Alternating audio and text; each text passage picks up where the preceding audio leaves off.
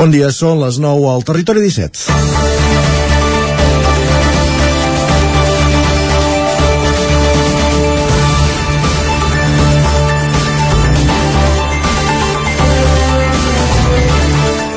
Falta de confiança és la resposta que donava divendres al nou TV el secretari d'Empresa i Competitivitat de la Generalitat, Albert Castellanos, per explicar la destitució del que des del 2018 era el director general de Conforça, l'empresa pública ripollesa del sector de la siderúrgia i el metall. L'acomiadament, efectiu des de l'1 d'abril i avançat pel diari Expansión, va sorprendre més d'un al Ripollès i més enllà pel fet que durant l'etapa de Reca Vidiella, de, a la direcció general, el balanç econòmic de la companyia ha estat més que satisfactori.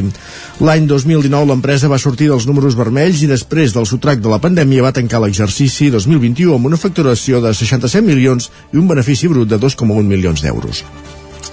Dades que valen la trajectòria d'un directiu que l'empresa privada s'havia mogut sobretot per les principals fabricants de motos però és el que tenen els càrrecs de confiança. La Conselleria d'Empresa està en mans des de fa un any d'Esquerra amb Roger Torrent al capdavant i les posicions de la direcció de Conforça i la Conselleria s'han anat allunyant. Castellanos explicava divendres que tenen clara la seva proposta per substituir Vidiella, nom que encara no s'ha fet públic. El que cal esperar és que el projecte empresarial mantingui la línia econòmica dels darrers anys. Dilluns 11 d'abril de 2022 comença el Territori 17 a la sintonia de la veu de Sant Joan, Ona Codinenca, Ràdio Cardedeu, Ràdio Vic, el 9 FM i el 9 TV. Territori 17, amb Isaac Moreno i Jordi Sunyer.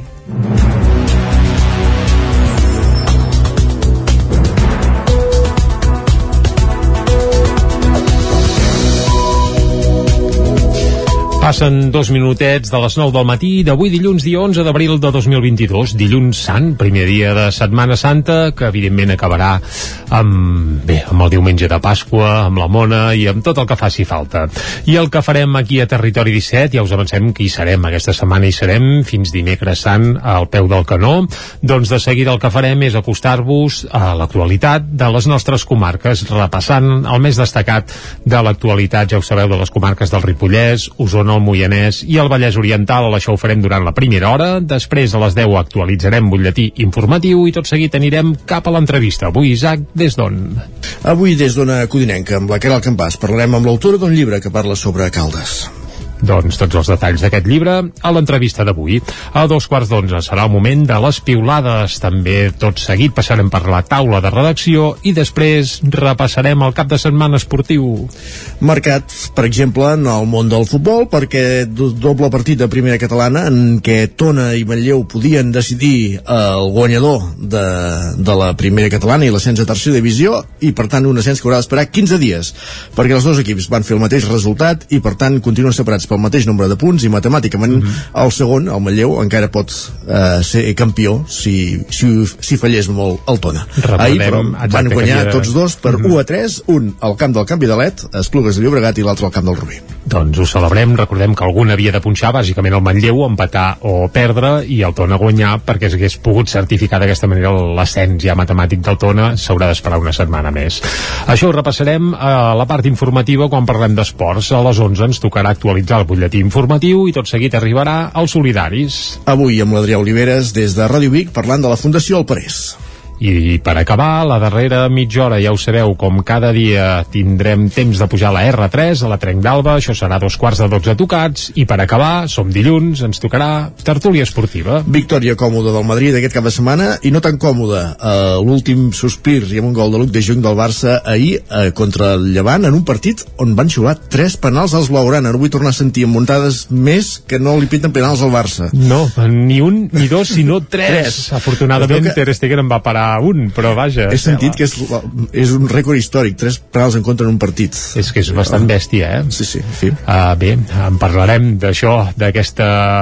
Vaja, anava a dir d'aquesta epopeia penalística que va haver de patir el Barça i al camp del Llevant. Altra cosa si els penals eren justos, eh? això no hi entro perquè tampoc vaig veure el partit, val a dir-ho. Jo tampoc. Per tant, això ho hauran de discutir els nostres tertulians, com sempre a la part final d'un programa que ara arrenca uh, repassant l'actualitat de casa nostra. Ja ho sabeu, l'actualitat de les comarques del Ripollès, Osona, el Moianès i el Vallès Oriental.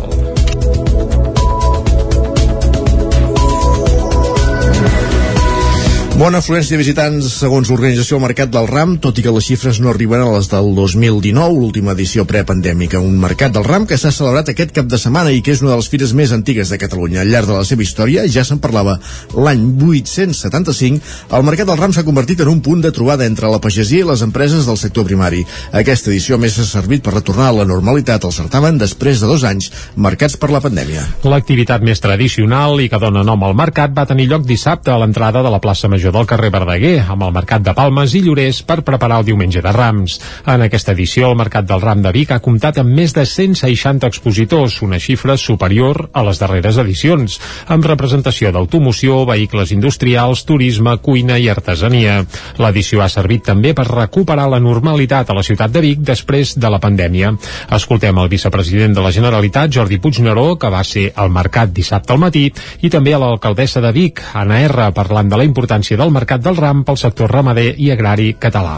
D'aquesta magnífica fira del Mercat del Ram, eh, d'un sector molt important pel nostre país, el sector alimentari eh, ha anat molt bé aquests darrers anys i ha de continuar anant bé, i més ara que eh, es parla tant de sobirania energètica, però sobretot també hem de parlar de sobirania alimentària, la importància que té tenir un sector potent com és el sector alimentari al nostre país, és una de les grans indústries eh, a casa nostra i hem de fer tot el possible per, perquè continuï sent així.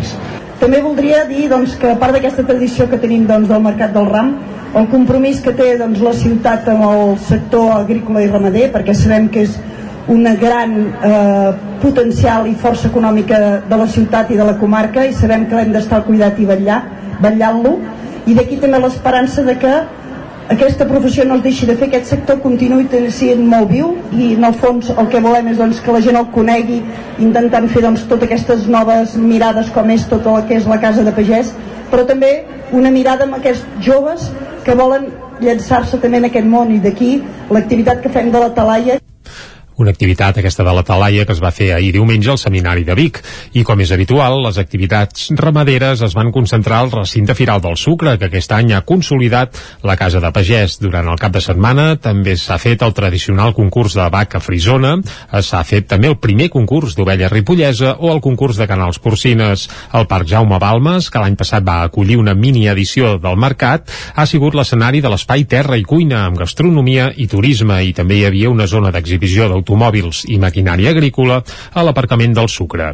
Fins ahir diumenge el cel de Vic també va estar ple de globus pel 39è torneig internacional de globus del Mercat del Ram amb una quinzena de pilots. La celebració del mercat també ha comportat algunes afectacions a la mobilitat. Fins aquest migdia, per exemple, encara no es podrà circular en vehicle privat per alguns trams del passeig de la Generalitat. I també hi ha limitacions als carrers Mossèn Gudiol, Joan Serrallonga i a l'Avinguda del Mercat. Més qüestions deixem el mercat del ram de banda. El jurat popular considera culpable dels delictes d'assassinat i abús sexual l'home acusat de la mort de la seva exparella Vic la matinada del 20 d'octubre de 2019.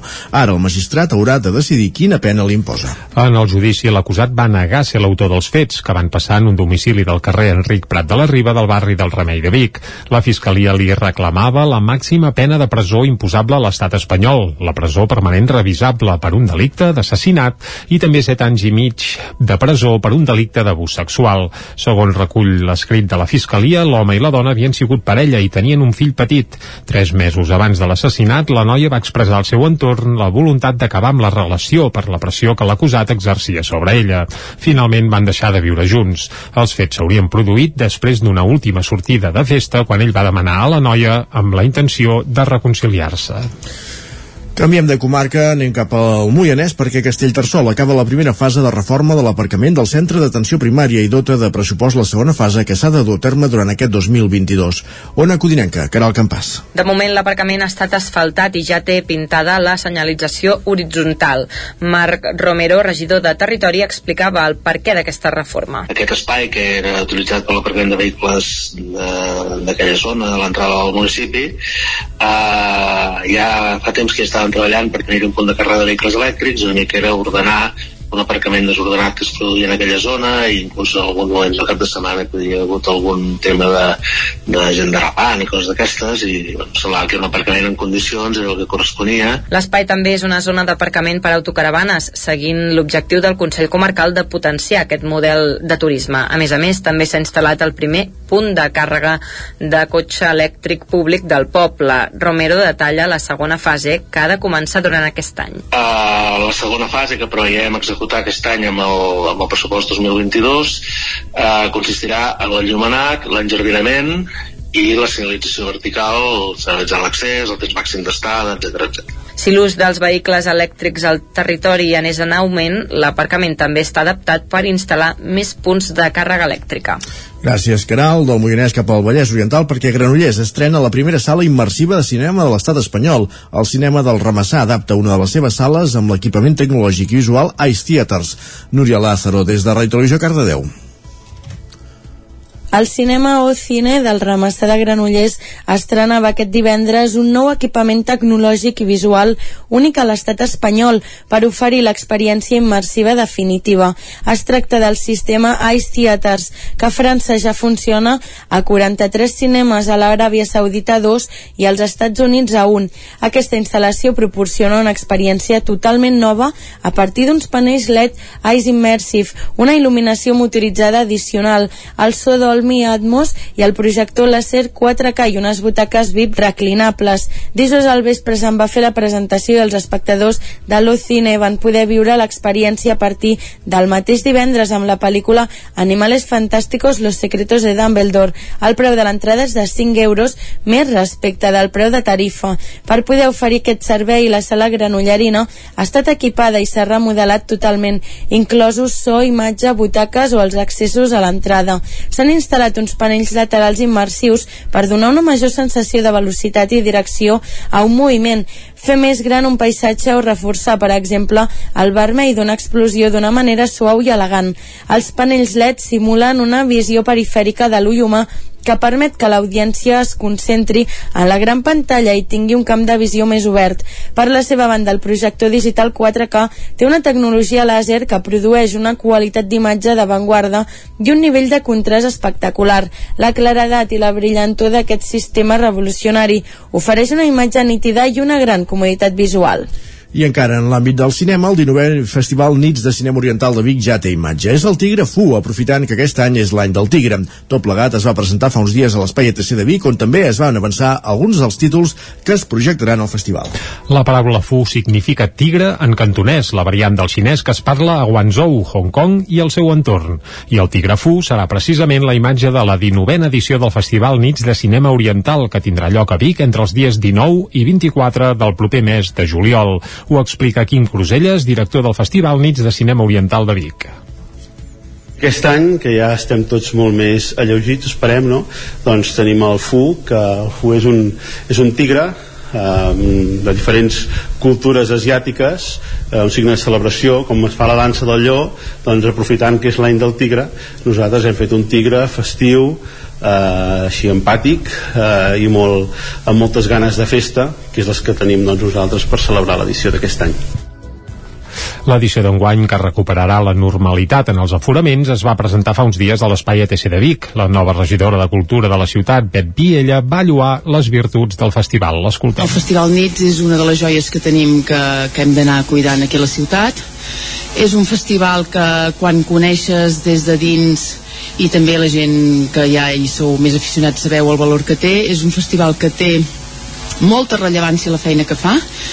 Um, per això l'aportació que hi fa l'Ajuntament és bastant quantiosa i esperem que cada vegada puguem aportar-hi més la creació de la imatge del tigre Fu ha anat a càrrec de l'il·lustrador Xevi Domínguez i el dissenyador Jordi Ferrés de l'estudi Partí.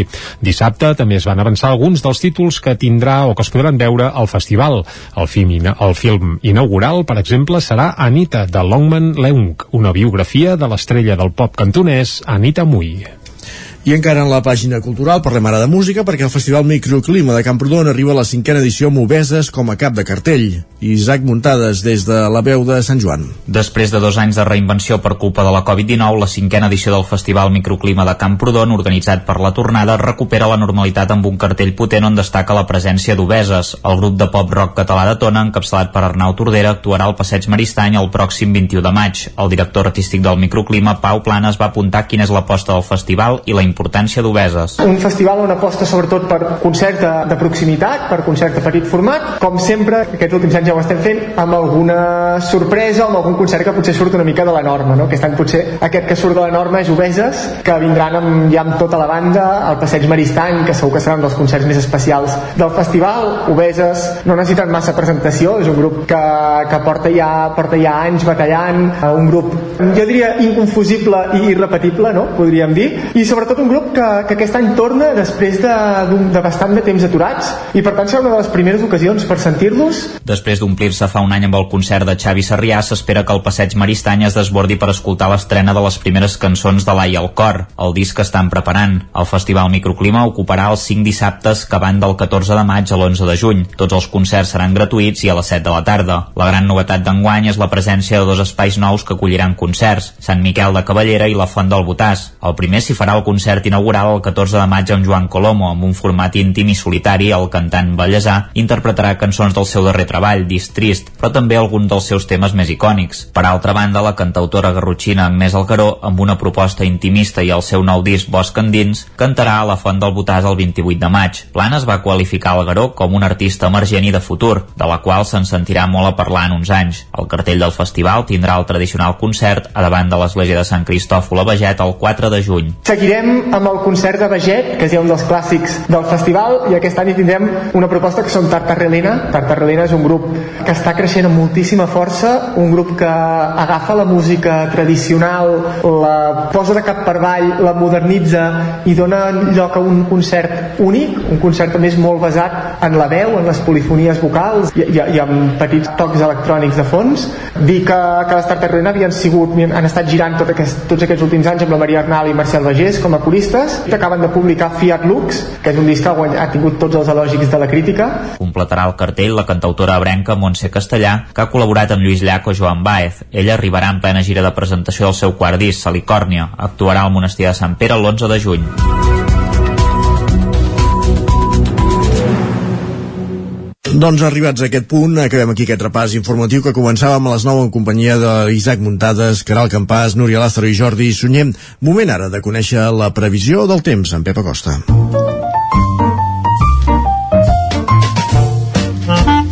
Casa Terradellos us ofereix el temps. Un Pep Acosta que deu haver passat un cap de setmana, almenys ahir al vespre, de nervis, perquè sabem que és seguidor culer i que, bé, devia vibrar amb el tema dels penals. Però vaja, Deixem el futbol, anem al temps. Pep, molt bon dia. Hola, Què tal? molt bon dia a tothom. I bona hora. Què tal esteu? Bé, bé. Com ha anat el cap de setmana? Perfecte. Espero que Marcat el ram. tot bé, ha estat un bon cap de setmana, mm. segur que sí. Els caps de setmana sempre van bé. I tant. Meteorològicament parlant, jo em pensava que dissabte plouria una mica més, la veritat. Vam tenir alguna, alguns ruixats cap a Osona, cap a Ripollès, eh, però molt puntuals, molt poca cosa, i jo m'esperava una mica més, la veritat, eh? una mica més de, de moviment meteorològic, eh, poca cosa. I ahir m'esperava menys núvols. Ahir vam tenir bastants núvols, i també m'esperava menys fresca, jo crec que va ser un dia bastant fresc, m'esperava un ambient més càlid i eh, moltes més clarianes, clarianes que al final van arribar eh, a última hora, i durant moltes hores del dia, moltes zones hi va haver bastants núvols, molta humitat, núvols baixos, i això va fer que les temperatures no es disparessin ni de bon tros. I avui comencem ja setmana, en plena Setmana Santa, i ho fem unes temperatures força suaus, entre 5 i 10 graus, la majoria de les mínimes, alguns punts fins i tot superiors a 10 graus ja les mínimes, i hi ha pocs llocs inferiors als 5 graus, unes temperatures bastant normals per l'època de l'any. Eh, ens amb pocs núvols, eh, bastantes clarianes, i mica en mica la nuvolositat anirà guanyant terreny. Eh, d'oest a est. Eh, mica en mica es anirà tapant eh, a tot Catalunya i també a les nostres comarques i és que se'ns acosta un front atlàntic que ens escombrarà a partir de demà. Un front atlàntic que ens portarà vents del sud. Eh, ja estan bufant moderadament a moltes zones i fins i tot forts a zones més altes. Eh, cap a Vidater i cap a, aquí cap a Montseny ja s'han superat els 80 km per hora. Atenció amb aquestes ventades que aniran a més les pròximes hores. Vents del sud, que a part de ventades fortes i pluja, també ens portarà pols de suspensió, pols del Sàhara novament. Uh, un fenomen que es va repetint més l'habitual els últims temps, els últims mesos i anys, diria jo, eh, que abans no, abans no es repetia tant aquesta aportació de, de pols en suspensió del gran desert que tenim a pocs quilòmetres al sud. I això és tot. Eh, bueno, perdó, perdó, les temperatures. Unes temperatures màximes avui, la majoria entre els 15 i els 20 graus. Eh, aquesta Setmana Santa viurem una autèntica muntanya russa amb les temperatures, avui molt suaus, eh, demà i dimecres baixaran, i dijous es tornaran a disparar, sobretot divendres i dissabte, tindrem caloret al migdia, una autèntica, com deia, muntanya russa de temperatures aquesta Setmana Santa. I això és tot. A disfrutar el dia d'avui, a disfrutar d'aquest inici de Setmana Santa. Molt bon dia, bon adeu. Dia. Fins ara. Ah, bon dia, Pep. Va, muntanya russa, eh, de temperatures durant la Setmana Santa. La primavera ja ho té. Ens agrada. I tant. Moment d'anar al quiosc, va. Va, anem-hi. Sí. Casa Tarradellas us ha ofert aquest espai. A saber què diuen avui els diaris a les seves portades. I és dilluns, per tant comencem per les dues edicions del 9-9. Correcte, i arrenquem pel 9-9 d'Osona i el Ripollès cobra parlant del Mercat del Ram. La ramaderia es reivindica en una lluïda edició del Mercat del Ram. Jordi Puigneró i Teresa Jordà van visitar la fira en un any que recuperava el format habitual, després, evidentment, de les dues darreres edicions que han estat marcades per la pandèmia. Bé, fa, la de fa dos anys ja directament es va suspendre i l'any passat hi va haver una edició de mínims amb algunes activitats, però és ben bé que fins aquest any no s'ha pogut recuperar un mercat del ram com els de tota la vida. També apareix a la portada del 9-9 d'Osona i el Ripollès la crisi al govern de Manlleu i és que Esquerra Republicana ha retirat les responsabilitats a un regidor de Junts. Uh, ho escoltarem al butlletí informatiu de les 10, aquell regidor que es va negar a llegir uh, part del manifest del 8 de març del Dia de les Dones. Doncs... Aleix Estrada, sí. Ah, exacte, és regidor d'Esports i sembla que avui mateix deixaria de ser-ho. També apareix a la portada que Andreu Simón bat un nou rècord a la cursa dels matxos, una cursa que es va disputar aquest passat dissabte a Torelló i bé, hi va haver qui va fer una bestiesa que és fer més de 60 quilòmetres amb no sé quantes hores, vaja, amb molt en poques poc més, hores. En poc més de 6 hores, Sí. encara continua eh, pendent de ser rebaixat el límit de les 6 hores. 6 Però- hores i 2 minuts, em sembla que va fer, o 3. Al, algun any segur que algú és capaç de fer-ho, Sí, però no seré pas jo i No, ni potser tampoc. tu Isaac tampoc. Bé. I també, com bé dèiem, el Tona i el Manlleu no afluixen la jornada de diumenge, mm, podia haver estat decisiva, però tot va quedar igual perquè els dos equips usonencs que encapçalen la classificació primera catalana de futbol van guanyar tots dos eh, amb- Pel mateix resultat. pel mateix resultat, Una a més a més, correcte. Una, una Rubí al Manlleu i l'altra al camp del canvi de led, Esplugues al Torà. Anem ara cap al 9-9 del Vallès Oriental, cobra amb un titular que diu que l'Estat vol fer 460 pisos entre l'estació de França i la Ronda Sud de Granollers. Aquesta promoció aportaria els recursos a Adif per cobrir 350 metres de via. Aquesta seria la manera que tindria Adif de, de, de finançar doncs, el soterrament de part de la línia, és a dir, bàsicament fer pisos. A la portada també en fotografia apareix la Rosa Vinyallonga acompanyada de la Fatou Diaby del Senegal i diuen discriminació en el lloguer. Persones d'origen immigrant de Granollers i Rodalies denuncien que molts propietaris de pisos no els volen fer contractes de lloguer per la seva condició d'estrangeres. Això apareix també a la portada del 9-9 del Vallès Oriental. A part també hi trobem que la pastisseria Rodelles de Sant Celoni va ser premiada a la Fira Alimentària i que la Mitmo omple de titelles al centre de Mollet. La Mitmo és la mostra internacional de titelles de Mollet que es va celebrar aquest cap de setmana i que arribava ja a la quinzena edició. També trobem que tres homes de la mateixa família detinguts per un tiroteig a Canovelles. Carai. Déu-n'hi-do. Anem cap a les portades d'àmbit nacional. som -hi. I comencem com fem cada dia pel punt avui. El titular, Macron o Le Pen. I és que aquest cap de setmana era primera ronda d'eleccions a l'estat veí de França i el president es jugarà la reelecció amb la líder d'extrema dreta el 28, ah, el 28 eh, d'abril. Hi haurà la segona roda i ara sí que només pots votar o Macron o Le Pen perquè la resta de candidats, diguem que a França hi ha segona volta i els dos primers passen a la final, diguem-ne. És allò com, vaja, com un concurs, gairebé. La fotografia principal és pel Barça i diuen ni el Llevant ni tres penals en contra. És a dir, el Barça va superar això, el Llevant i tres penals en contra, setena victòria seguida del Barça que manté el segon lloc i el pols de la Lliga. Bé, això del pols de la Lliga cal dir que són molt optimistes perquè, clar, el Madrid ens porta una mica Matemàticament és possible. Ah, sí, sí, això sí, i tant, i tant. Doncs fins que no... Va, doncs vinga, anem cap a l'ara, va, això també ho podem fer matemàticament possible i anem tan de pressa que ja hi som i el titular és per Macron i Le Pen que s'enfrontaran a la segona volta. L'actual president se situa per davant de la líder de la ultradreta que també surt reforçada. Els socialistes s'enfonsen amb Hidalgo mentre que Melenchon aconsegueix la tercera posició. Melenchon seria el de l'extrema esquerra, entre cometes. Per això Hidalgo seria el Partit Socialista que ha fet un resultat patètic. És a dir, la veritat és que bé, és com si aquí el PSOE i el PP traguessin el 7% dels vots, doncs el que ha passat amb la dreta convencional i els socialistes francesos. Uh, més coses que apareixen a la portada de l'Ara. Luc de Jong salva la segona plaça del Barça i també la percepció de brutícia es manté tot i els canvis fets a Barcelona. Anem cap a més portades. Ara a l'avantguàrdia, Macron i Le Pen es disputaran la presidència de França.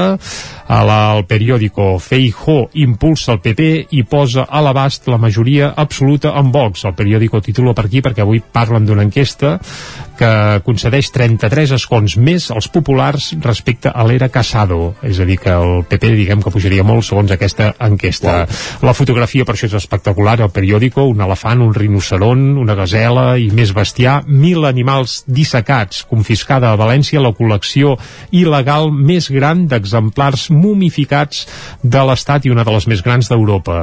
Pensava que quan has començat a fer aquest reguitzell d'animals que estaves al mercat del ram, no, eh? Sí, no, no, no, no. són dissecats aquests i són bèsties, vaja, Sí, sí. espectaculars. Va, la Bèstia Razón. grossa, que diríem. Sí, la Razón. Macron pugna contra Le Pen per la Lisi, com va passar el 2017. El Mundo. Macron resisteix l'empenta de Le Pen al primer assalt. El País. Macron resisteix i s'enfrontarà a Le Pen per, el, per la presidència francesa. Ja veiem que els mitjans espanyols tiren tots molt mirant cap a França i l'ABC eh, canvia, eh? Bueno, Macron resisteix amb el 28% dels vots, però també apunten que el cost de la macroestructura del govern espanyol es dispara un 30% des de l'arribada de Sánchez. Pausa. El nou FM, el nou FM. La vida i la naturalesa han portat Ernest Gingó a crear el seu primer disc i tu el pots ajudar a fer-lo realitat. Busca Seguint la Natura a la pàgina web Verkami i podràs fer la teva aportació econòmica a canvi del disc i d'alguns instruments artesanals que ha construït amb el seu pare, fuster de professió. Ajuda l'Ernest Gingo a fer realitat aquest primer disc que fa un viatge musical per la connexió amb la naturalesa. I un sentiment. Has d'organitzar un esdeveniment? A l'Ineixat lloguem les cadires, taules, plats, coberts, rams de flors i tota la decoració necessària per preparar qualsevol esdeveniment. Vine a buscar material per a festes, casaments, celebracions culturals, espectacles, concerts o reunions d'empresa i de família. Ens pots venir a veure al passeig de la Generalitat número 52 Baixos de Vic, buscar-nos a les xarxes o trucar-nos al telèfon 670 38 96 25. Ah, i també ens trobaràs a Girona. A l'Inexa tenim tot el que pots necessitar per fer-te la vida més fàcil. El racó de León ja és primavera. Gaudeix de la nostra terrassa. Vine a tastar les xuletilles de lechal a la brasa amb una bona amanida o el xuletón de vedella gallega. No et pots perdre el nostre lechado de Castilla al forn o el cochinillo a l'estil de Segovia. Tot acompanyat del millor celler, al menjador o fora la terrassa. Descobreix la millor cuina de Lleó sense moure't de casa. Vine amb la família, els amics, la parella o sol. T'encantarà. El racó de León, cuina tradicional lleonesa i de mercat. Som al carrer Torelló número 35 de Vic. Per reserves, telèfon 93 889 1950. El racó de León, una cuina diferent. A la llibreria Mater hi trobaràs material escolar i d'escriptori, llibres, revistes i el millor regal. T'esperem amb una gran varietat de novel·les, llibres d'assaig, poesia, contes i moltes novetats editorials. I per anar ben equipat a l'escola tenim motxilles, estoig, carpetes, llibretes, bolígrafs i molt més. Recorda que amb la targeta client tens descomptes. A Mater ho tenim tot a punt per celebrar Sant Jordi. Reserva o compra el teu llibre i gaudeix del dia del llibre tot el mes d'abril. T'esperem. Mater, llibreters amb vocació des de 1957. Llibreria Mater. Ens trobaràs al carrer Pla de Balanyà número 23 de Vic i a mater.cat. Cobertes serveis funeraris. Els nostres tanatoris estan ubicats en els nuclis urbans més poblats de la comarca d'Osona per oferir un millor servei. Tanatori de Vic, Tanatori de Manlleu, Tanatori de Centelles i Tanatori de Roda de Ter. Sabem que són moments difícils i per això el nostre compromís és atendre-us en tot moment amb un tracte humà, sensible i respectuós. Cobertes serveis funeraris. Telèfon 24 hores 93 883 23 46. En punt dos quarts de 10 al territori 17. Territori 17, amb Isaac Moreno i Jordi Sunyer.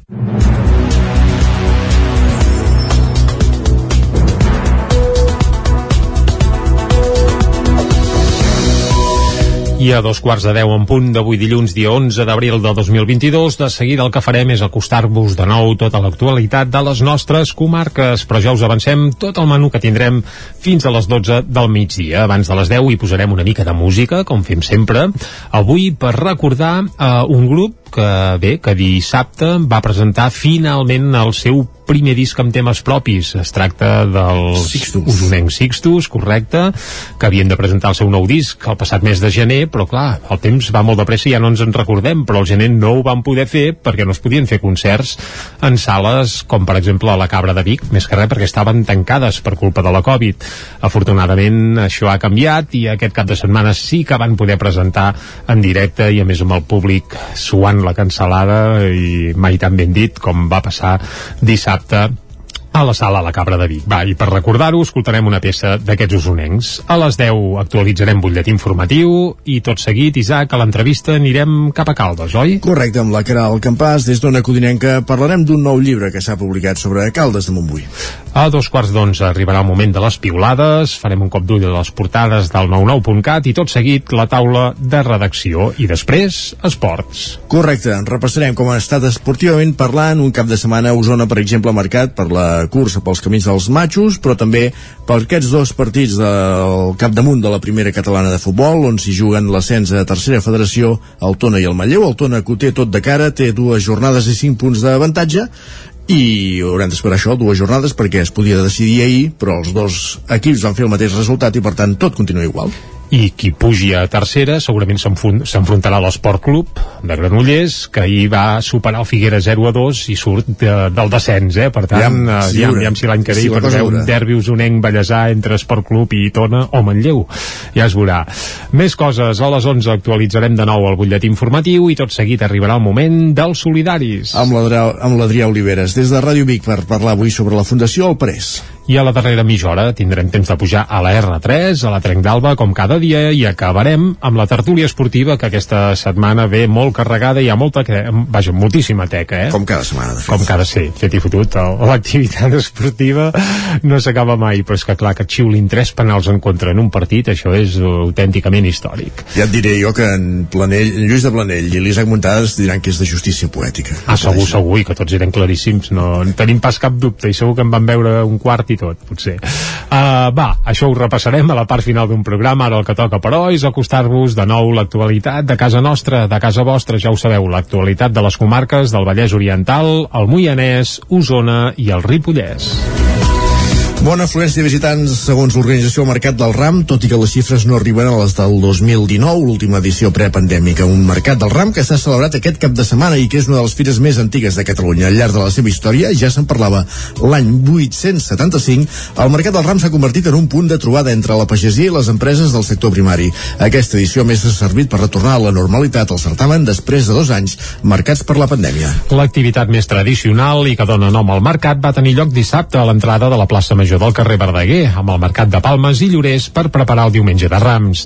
En aquesta edició, el Mercat del Ram de Vic ha comptat amb més de 160 expositors, una xifra superior a les darreres edicions, amb representació d'automoció, vehicles industrials, turisme, cuina i artesania.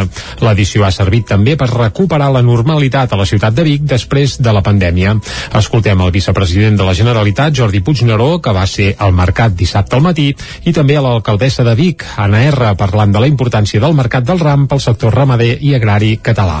D'aquesta magnífica fira del mercat del ram, eh, d'un sector molt important pel nostre país, el sector alimentari eh, ha anat molt bé aquests darrers anys i ha de continuar anant bé i més ara que eh, es parla tant de sobirania energètica però sobretot també hem de parlar de sobirania alimentària la importància que té tenir un sector potent com és el sector agroalimentari al nostre país. És una de les grans indústries eh, a casa nostra i hem de fer tot el possible per, perquè continuï sent així.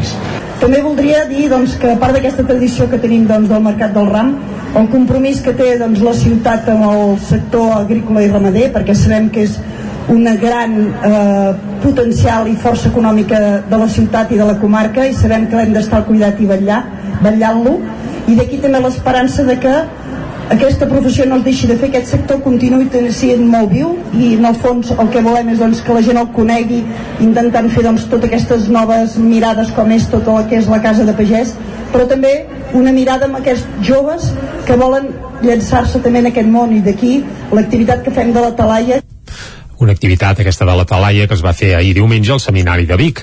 I com és habitual, les activitats ramaderes es van concentrar al recinte Firal del Sucre, que aquest any ha consolidat la Casa de Pagès. Durant el cap de setmana també s'ha fet el tradicional concurs de vaca frisona, s'ha fet també el primer concurs d'ovella ripollesa o el concurs de canals porcines. El Parc Jaume Balmes, que l'any passat va acollir una mini edició del mercat, ha sigut l'escenari de l'espai Terra i Cuina, amb gastronomia i turisme, i també hi havia una zona d'exhibició d'automòbils automòbils i maquinària agrícola a l'aparcament del Sucre. Fins ahir diumenge el cel de Vic també va estar ple de globus pel 39è torneig internacional de globus del Mercat del Ram amb una quinzena de pilots. La celebració del mercat també ha comportat algunes afectacions de la mobilitat. Fins aquest migdia, per exemple, encara no es podrà circular en vehicle privat per alguns trams del passeig de la Generalitat. I també hi ha limitacions als carrers mossèn Gudiol, Joan Serrallonga i a l'Avinguda del Mercat.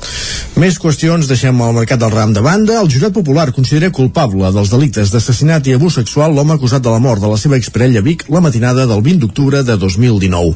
Ara el magistrat haurà de decidir quina pena li imposa. En el judici, l'acusat va negar ser l'autor dels fets que van passar en un domicili del carrer Enric Prat de la Riba del barri del Remei de Vic. La Fiscalia li reclamava la màxima pena de presó imposable a l'estat espanyol, la presó permanent revisable per un delicte d'assassinat i també set anys i mig de presó per un delicte d'abús sexual. Segons recull les l'escrit de la Fiscalia, l'home i la dona havien sigut parella i tenien un fill petit. Tres mesos abans de l'assassinat, la noia va expressar al seu entorn la voluntat d'acabar amb la relació per la pressió que l'acusat exercia sobre ella. Finalment van deixar de viure junts. Els fets s'haurien produït després d'una última sortida de festa quan ell va demanar a la noia amb la intenció de reconciliar-se. Canviem de comarca, anem cap al Moianès perquè Castellterçol acaba la primera fase de reforma de l'aparcament del centre d'atenció primària i dota de pressupost la segona fase que s'ha de dur a terme durant aquest 2022. Ona Codinenca, Caral Campàs. De moment l'aparcament ha estat asfaltat i ja té pintada la senyalització horitzontal. Marc Romero, regidor de Territori, explicava el perquè d'aquesta reforma. Aquest espai que era utilitzat per l'aparcament de vehicles d'aquella zona, de l'entrada del municipi, eh, ja fa temps que està estàvem treballant per tenir un punt de càrrega de vehicles elèctrics, una mica era ordenar un aparcament desordenat que es produïa en aquella zona i inclús en algun moment del cap de setmana que hi ha hagut algun tema de, de gent derrapant i coses d'aquestes i bueno, semblava que era un aparcament en condicions era el que corresponia. L'espai també és una zona d'aparcament per autocaravanes seguint l'objectiu del Consell Comarcal de potenciar aquest model de turisme. A més a més, també s'ha instal·lat el primer punt de càrrega de cotxe elèctric públic del poble. Romero detalla la segona fase que ha de començar durant aquest any. Uh, la segona fase que preveiem executar aquest any amb el, amb el pressupost 2022 eh, consistirà en el llumenac, l'enjardinament i la senyalització vertical, senyalitzant l'accés, el temps màxim d'estada, etc. Si l'ús dels vehicles elèctrics al territori anés en augment, l'aparcament també està adaptat per instal·lar més punts de càrrega elèctrica.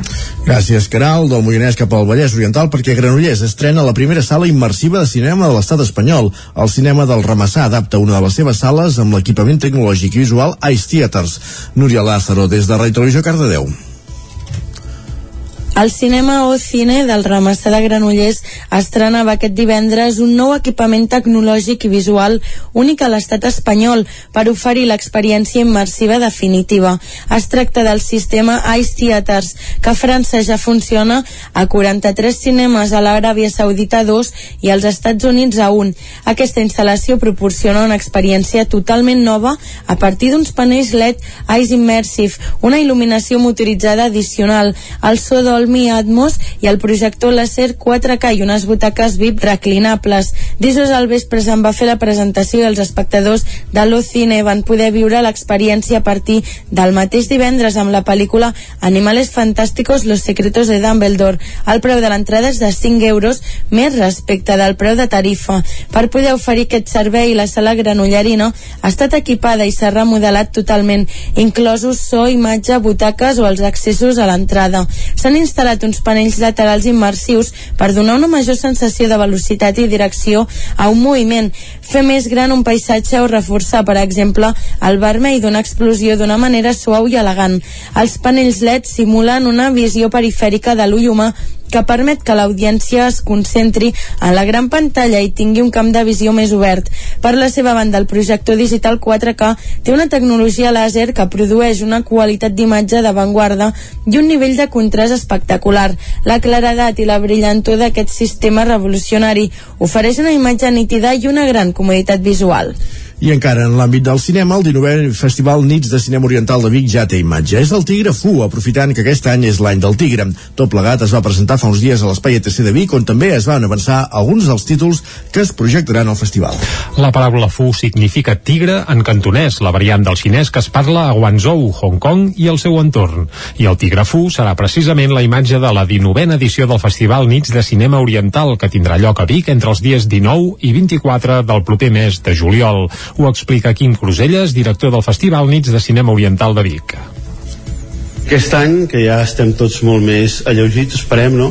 Doncs tenim el FU, que el FU és un, és un tigre eh, de diferents cultures asiàtiques eh, un signe de celebració com es fa la dansa del lleó doncs aprofitant que és l'any del tigre nosaltres hem fet un tigre festiu eh, així empàtic eh, i molt, amb moltes ganes de festa que és les que tenim doncs, nosaltres per celebrar l'edició d'aquest any L'edició d'enguany, que recuperarà la normalitat en els aforaments, es va presentar fa uns dies a l'Espai ETC de Vic. La nova regidora de Cultura de la ciutat, Bet Viella, va lluar les virtuts del festival. L'escoltem. El Festival Nits és una de les joies que tenim que, que hem d'anar cuidant aquí a la ciutat.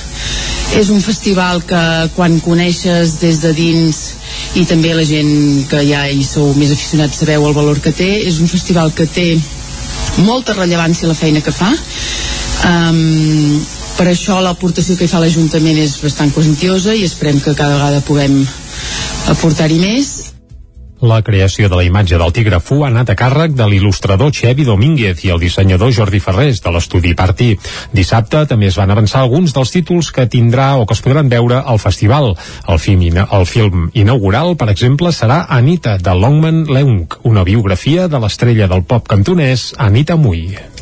I encara en la pàgina cultural parlem ara de música perquè el Festival Microclima de Camprodon arriba a la cinquena edició amb Obeses com a cap de cartell. Isaac Muntades des de la veu de Sant Joan. Després de dos anys de reinvenció per culpa de la Covid-19, la cinquena edició del Festival Microclima de Camprodon, organitzat per la tornada, recupera la normalitat amb un cartell potent on destaca la presència d'Obeses. El grup de pop-rock català de Tona, encapçalat per Arnau Tordera, actuarà al Passeig Maristany el pròxim 21 de maig. El director artístic del Microclima, Pau Planes, va apuntar quina és l'aposta del festival i la importància d'Obeses. Un festival on aposta sobretot per concert de, de proximitat, per concert de petit format, com sempre, aquests últims anys ja ho estem fent, amb alguna sorpresa, amb algun concert que potser surt una mica de la norma, no? Aquest any potser aquest que surt de la norma és Obeses, que vindran amb, ja amb tota la banda, al Passeig Maristany, que segur que serà un dels concerts més especials del festival. Obeses no necessiten massa presentació, és un grup que, que porta, ja, porta ja anys batallant, un grup, jo diria, inconfusible i irrepetible, no? podríem dir, i sobretot un grup que,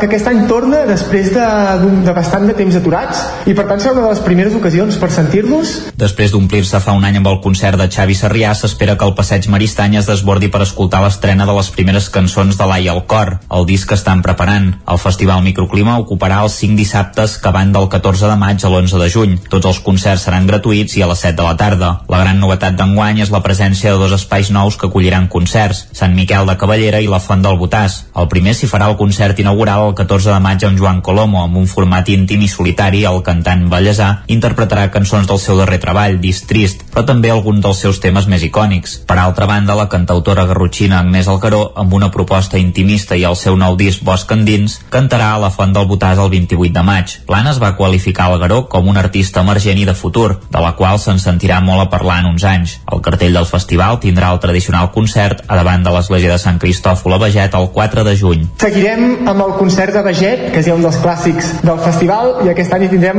una proposta que són Tartarrelina. Tartarrelina és un grup que està creixent amb moltíssima força, un grup que agafa la música tradicional, la posa de cap per avall, la modernitza i dona lloc a un concert únic, un concert que més molt basat en la veu, en les polifonies vocals i, i, i amb petits tocs electrònics de fons. Dir que, que les Tartarrelina havien sigut, han estat girant tot aquest, tots aquests últims anys amb la Maria Arnal i Marcel Bagés com a coristes, acaben de publicar Fiat Lux, que és un disc que ha, ha tingut tots els elogis de la crítica. Completarà el cartell la cantautora abrenca Montse Castellà, que ha col·laborat amb Lluís Llach o Joan Baez. Ella arribarà en plena gira de presentació del seu quart disc, Salicòrnia. Actuarà al monestir de Sant Pere l'11 de juny. Doncs arribats a aquest punt, acabem aquí aquest repàs informatiu que començàvem a les 9 en companyia d'Isaac Muntades, Caral Campàs, Núria Lázaro i Jordi Sunyem. Moment ara de conèixer la previsió del temps en Pep Acosta.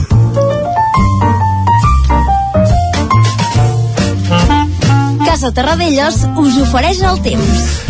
Un Pep Acosta que deu haver passat un cap de setmana, almenys ahir al vespre, de nervis, perquè sabem que és seguidor culer i que, bé, devia vibrar amb el tema dels penals. Però vaja, deixem el futbol, anem al temps. Pep, molt bon dia. Hola, Què tal? molt bon dia a tothom. I bona hora. Què tal esteu? Bé, bé. Com ha anat el cap de setmana?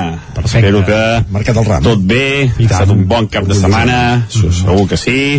Els caps de setmana sempre van bé. I tant. Meteorològicament parlant, jo em pensava que dissabte plouria una mica més, la veritat.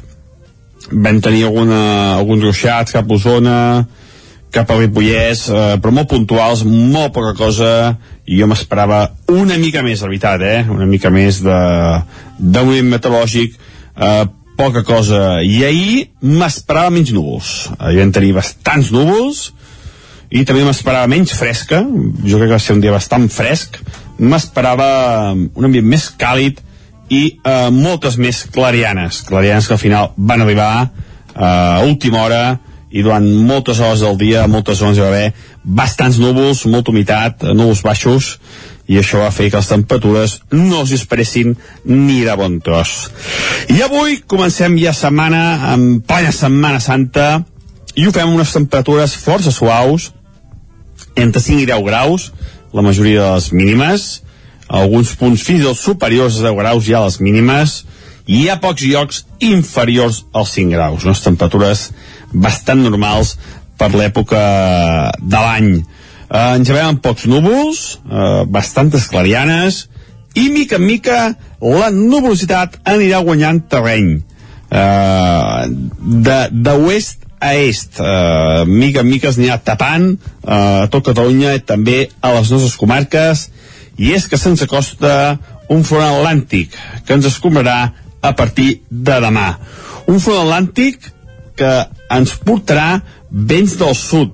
Eh, ja estan bufant moderadament a moltes zones i fins i tot forts a les zones més altes.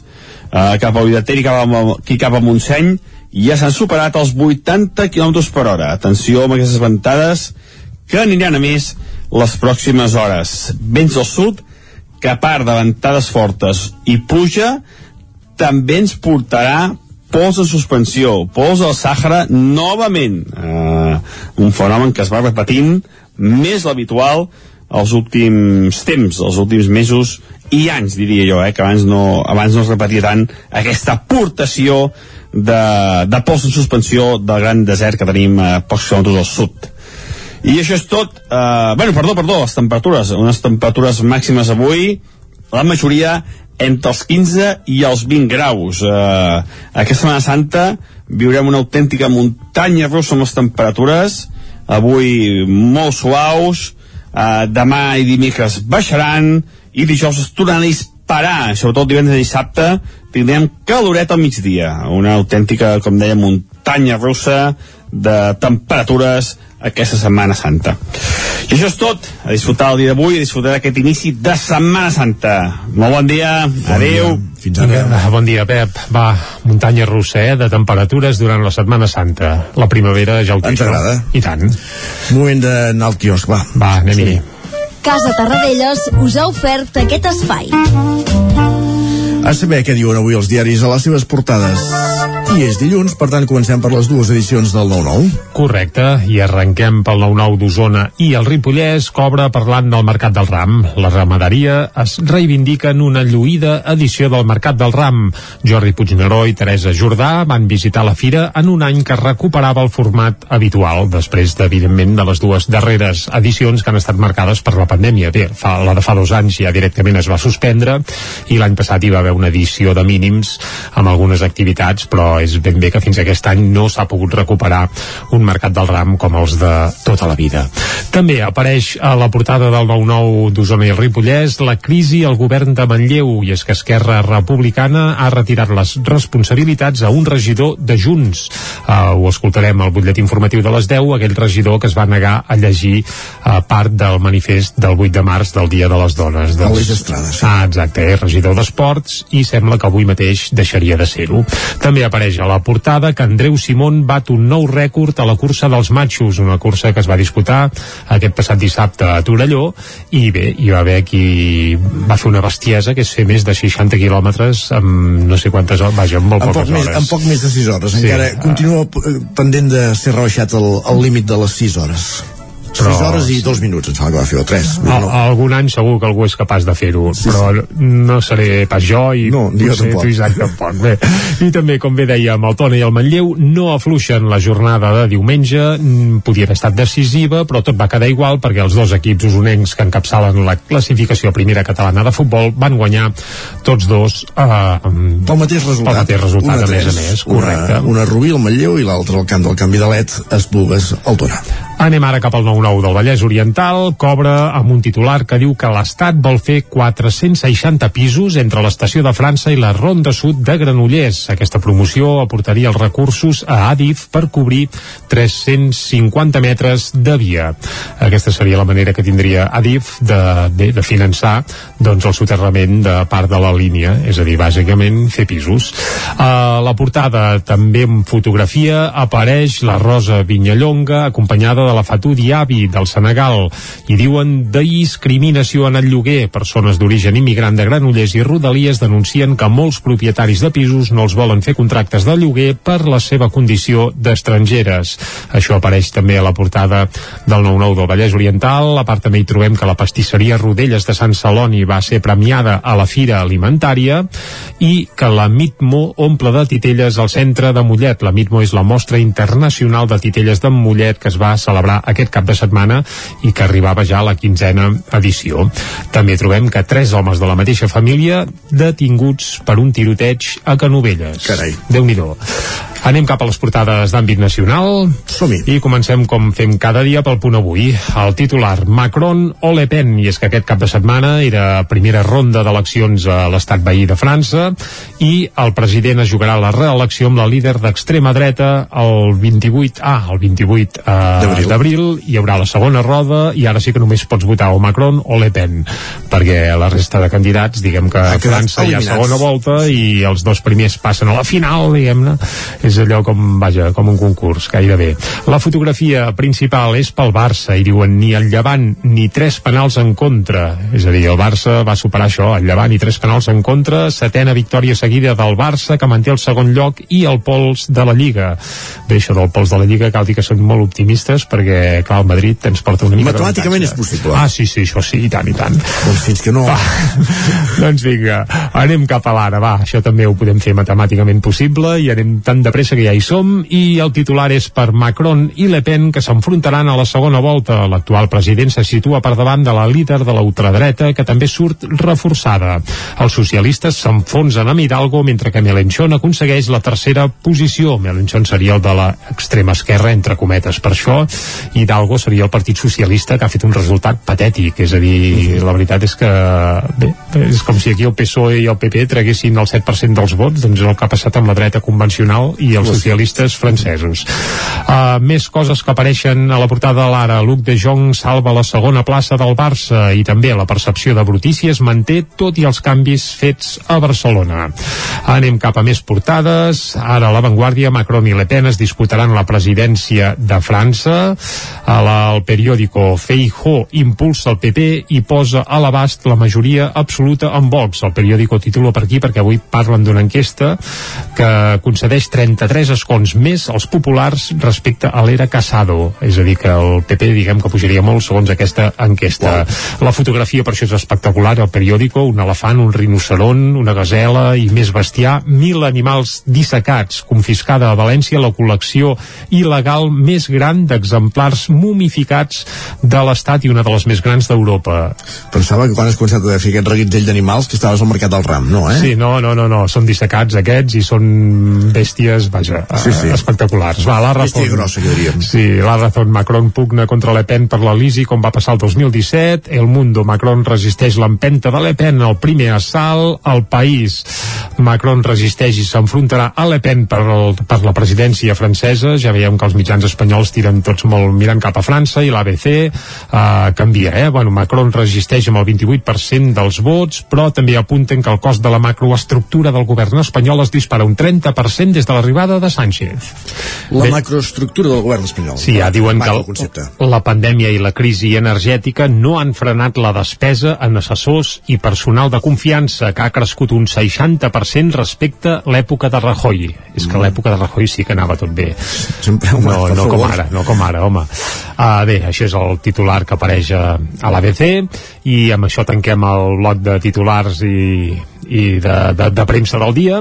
I anem, si et sembla, Isaac, a posar-hi música que sempre és una mica més, més divertit i a més a més avui, avui que posem, portem música festiva s'acosta la primavera, goita quin sol que fa avui. Som a les portes de Setmana Santa bé més que les portes, ja som a dins de Setmana Santa però se'ns acosten uns dies de festa, un cap de setmana bé per molta Llargots. gent llargot, d'aquests que, que fan goig, i és un cap de setmana ideal, per exemple, per escoltar Jacival, que és el primer disc dels Sixtus, una banda de versions amb la base d'operacions a la Vall del Gès, però músics de tot Osona i algun del Bages i tot, que just abans de Nadal van treure el seu primer disc de temes propis. Feien versions, però durant el confinament tenien molt temps i van enregistrar un disc de temes propis. El Home, disc... Van fer una cançó que va fer fortuna, l'O d'Oriol Mitjà. Correcte, exacte.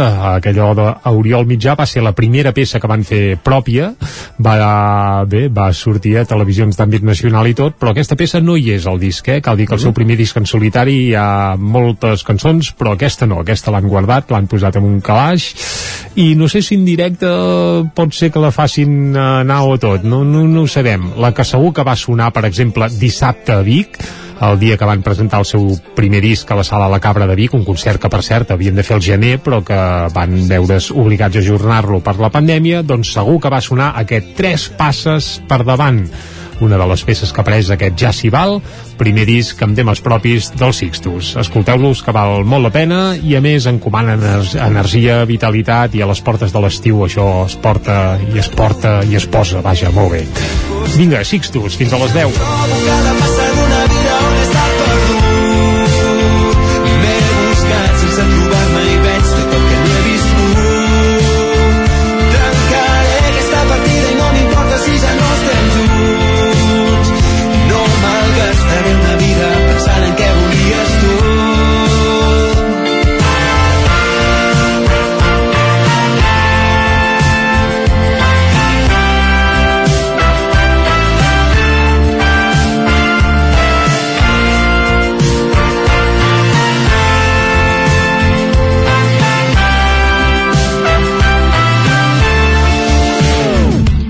Si encara em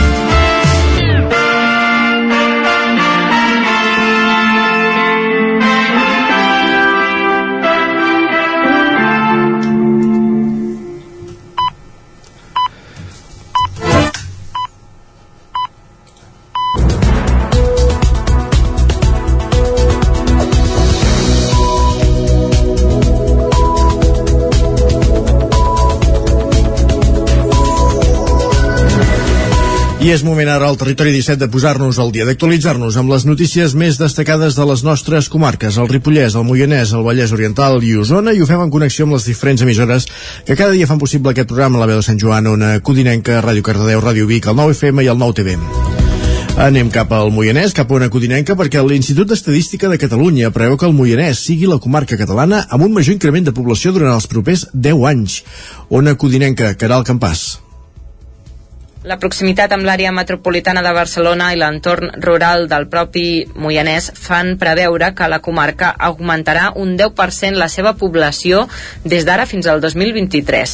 A més de l'arribada de migració, un altre punt rellevant aquest, en aquest augment de població és que el Moianès seria la segona comarca que menys habitants d'entre 0 i 15 anys perdi en els pròxims anys. En l'àmbit nacional, l'estudi de l'Institut d'Estadística destaca que Catalunya podria arribar als 8,1 milions d'habitants al 2031 a causa de la immigració. A part del Moianès, les comarques situades al litoral i prelitoral són les que creixeran més. Concretament, el Baix Penedès, el Gironès i el Maresme tindrien un creixement d'entre el 7 i el 9%. En canvi, el barcelonès tindrà un lleuger creixement del 1,5%. A l'extrem oposat, en sis comarques, la població disminuirà a mitjà termini. Terra Alta, les Garrigues, la Ribera d'Ebre i l'Alt Urgell serien les que perdrien més població en termes relatius, perdent entre un 2 i un 6% de la població. Els fluxos de migració amb l'estranger són importants, amb més entrades que sortides. És per això que el creixement futur de la població de Catalunya està molt condicionat pel comportament dels moviments migratoris. Es preveu que la migració sigui positiva en totes les comarques catalanes i compensaria el saldo natural de signe negatiu, és a dir, amb més defuncions que naixements. Més qüestions, gràcies Caral. Anem cap, tornem cap a Osona. Maria Balasc tornarà a ser la cap de llista d'Esquerra Republicana als municipals de Vic de l'any que ve. Els militants del partit la van escollir en una assemblea que es va fer dijous al Centre Cívic de Camp Aurrada. Maria Balasc repetirà com a cap de llista d'Esquerra a les municipals de Vic.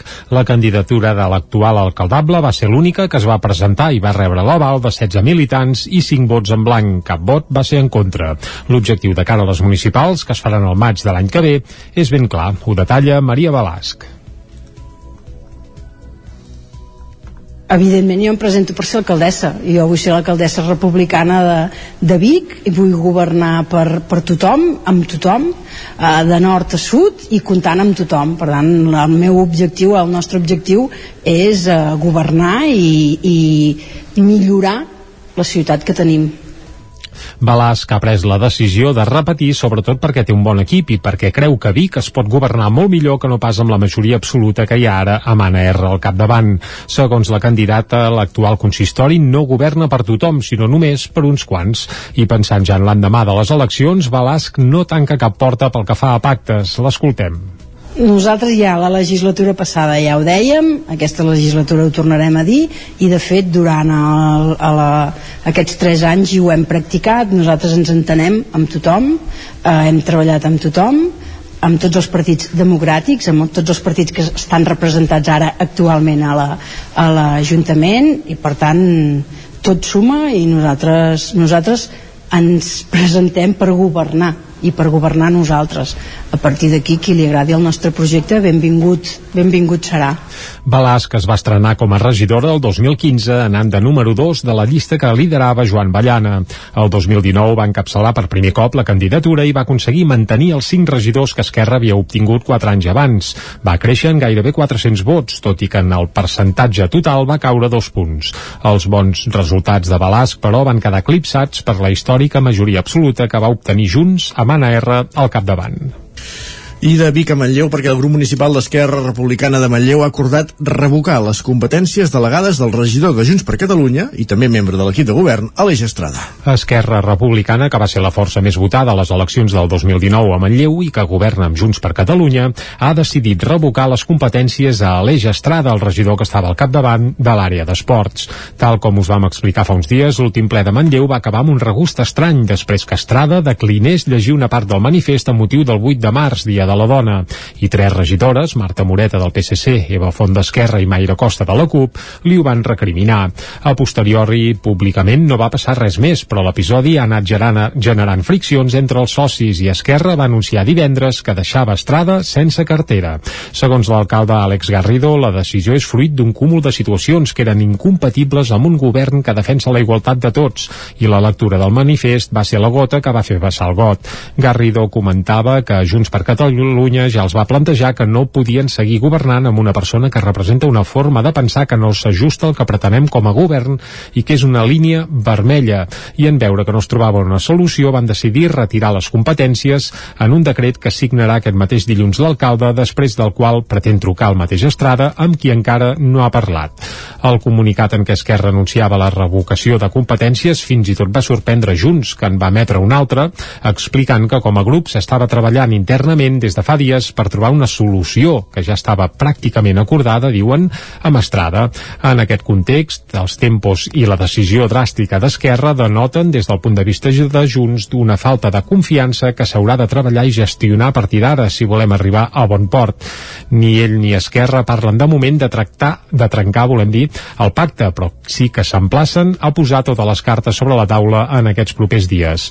Estrada, per la seva banda, coneixia les tensions entre els partits després que no llegís el manifest del 8M, però explica que ningú d'Esquerra se li ha adreçat directament demanant-li explicacions o aclariments. Ell reitera, de fet, que no té absolutament res en contra de les dones i que està interessat en debatre sobre feminisme, però significar-se per la causa i, per tant, llegir el manifest exigia una militància que fins ara explica ell mateix, no ha practicat. Recordem que va dir Estrada al ple quan va intentar justificar per què no se sumava a llegir el manifest del 8 de, del 8 de març. I un activisme vol dir un compromís. Si jo realment no sóc feminista perquè no tinc aquest compromís, per mi és molt hipòcrita que em sumi això perquè ara, perquè ara és moda i, o, o, o toca. Jo crec que un activisme implica sacrificis, implica un compromís, implica que, que estic segur que molta gent té i no, no és que el, que el posi en dubte, però jo crec que és un acte de, de coherència personal. De moment encara no se sap si Estrada continuarà al consistori formant part de Junts o com a regidor no adscrit. Militant del PDeCAT i amb un perfil més conservador que la resta de regidors del seu propi grup, Estrada ha emès puntualment vots diferenciats de l'equip de govern, com ara en la qüestió de lloguer i habitatge o quan es va aprovar el protocol municipal per l'abordatge de les violències masclistes en espais d'oci. Tot i això, destaca que mai s'ha posicionat totalment en contra de l'acció de govern i les postures d'Esquerra i Junts, sinó amb abstencions. Més qüestions. Anem cap a Cardedeu perquè Lola Casademunt amplia la seva seu. La facturació de l'empresa d'articles de moda i complements va créixer un 79% l'any passat, fins als 15 milions d'euros. Ràdio Televisió Cardedeu, Núria Lázaro. L'empresa de productes de moda i complements Lola Casademunt ha inaugurat recentment l'ampliació i renovació de la seva seu de Cardedeu plantejada per afrontar el procés d'expansió que està protagonitzant. Els primers fruits d'aquest procés ja es van materialitzar l'any passat amb un fort creixement de les vendes.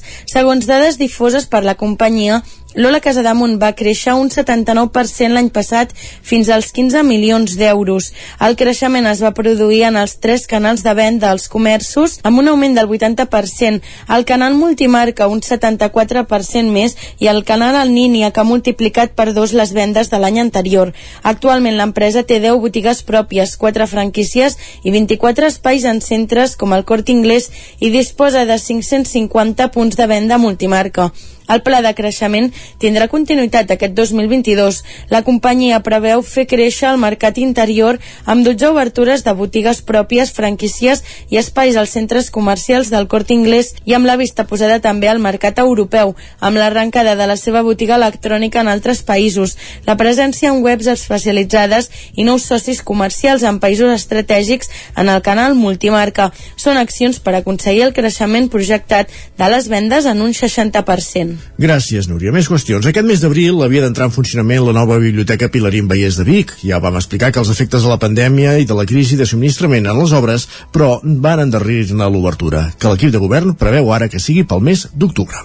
Així ho explicava en una entrevista a l'Angle Obert del Nou TV la nova regidora de Cultura de l'Ajuntament de Vic, Bet Piella, que ja ho era de promoció econòmica i de comerç i que ha assumit també l'àrea de cultura després de la marxa del consistori de l'anterior regidora, Susana Roura.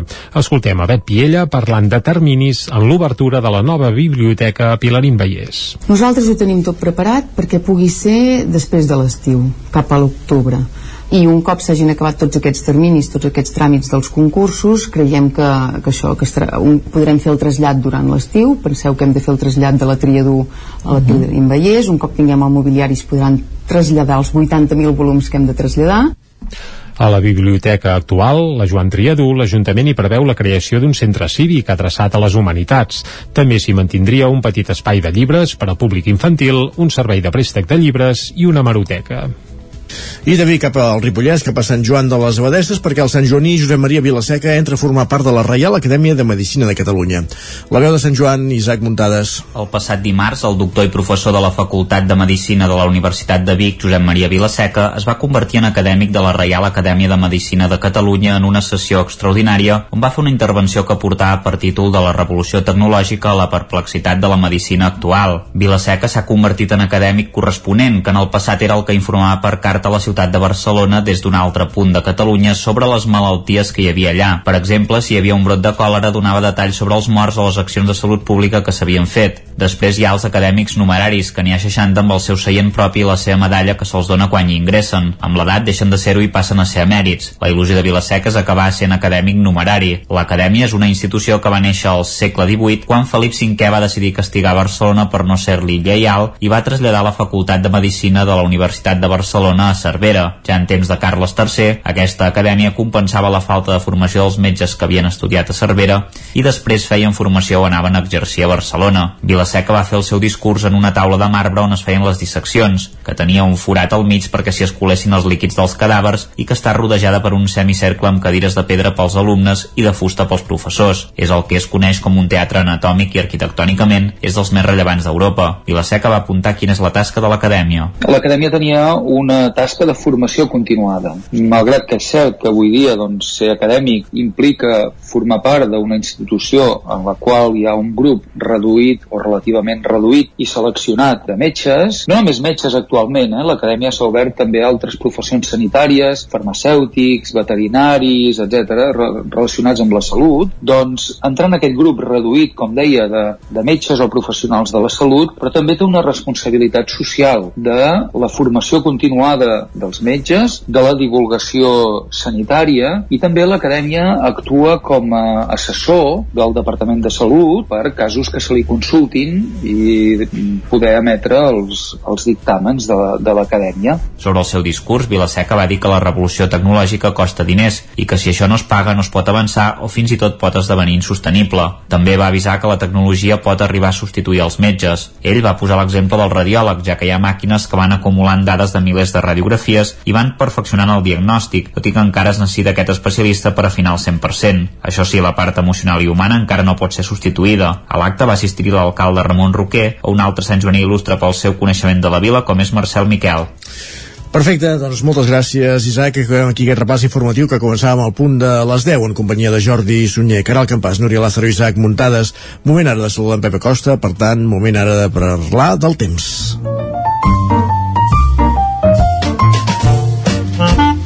Casa Terradellos us ofereix el temps. Amb en Pep Acosta, a primera hora ja l'hem escoltat, ha fet una mica de balanç també d'aquest cap de setmana de Rams que ja deixem enrere i ara li demanarem una mirada endavant per saber el temps que ens espera per avui i també pels propers dies. Pep, molt bon dia de nou. Hola, Ei. molt bon dia a tothom. Vinga. I avui comencem ja setmana, amb mm. plena Setmana Santa. I tant. I ho fem amb unes temperatures força suaus, mm -hmm. entre 5 i 10 graus, la majoria de les mínimes, alguns punts fins i tot superiors a 10 graus ja les mínimes, i hi ha pocs llocs inferiors als 5 graus, unes temperatures bastant normals per l'època de l'any. Eh, ens amb pocs núvols, eh, bastantes clarianes, i mica en mica la nuvolositat anirà guanyant terreny. Eh, de, de oest a est, eh, mica en mica es anirà tapant eh, a tot Catalunya i també a les nostres comarques, i és que se'ns acosta un front atlàntic que ens escombrarà a partir de demà. Un front atlàntic que ens portarà vents del sud. Eh, ja estan bufant moderadament a moltes zones i fins i tot forts a zones més altes. Eh, cap a Vidater i cap a, aquí cap a Montseny ja s'han superat els 80 km per hora. Atenció amb aquestes ventades que aniran a més les pròximes hores. Vents del sud que a part de ventades fortes i pluja també ens portarà pols de suspensió, pols al Sàhara novament. Uh, un fenomen que es va repetint més l'habitual els últims temps, els últims mesos i anys, diria jo, eh, que abans no, abans no es repetia tant aquesta aportació de, de pols en suspensió del gran desert que tenim a pocs quilòmetres al sud. I això és tot. Eh, bueno, perdó, perdó, les temperatures. Unes temperatures màximes avui, la majoria entre els 15 i els 20 graus. Eh, aquesta Setmana Santa viurem una autèntica muntanya russa amb les temperatures, avui molt suaus, eh, demà i dimecres baixaran, i dijous es tornaran a disparar, sobretot divendres i dissabte, tindrem caloret al migdia, una autèntica, com deia, muntanya russa de temperatures aquesta Setmana Santa. I això és tot. A disfrutar el dia d'avui, a disfrutar d'aquest inici de Setmana Santa. Molt bon dia, adeu. Bon dia igualment, gràcies. Exacte, que vagi molt bé. Tanquem aquí el bloc meteorològic. Isaac, quan passa un minut d'un quart d'onze, anem cap a l'entrevista. Som-hi, doncs. Som-hi. Casa Tarradellas us ha ofert aquest espai. Territori 17. Envia'ns les teves notes de veu per WhatsApp al 646 079 023. 646 079 023. WhatsApp Territori 17.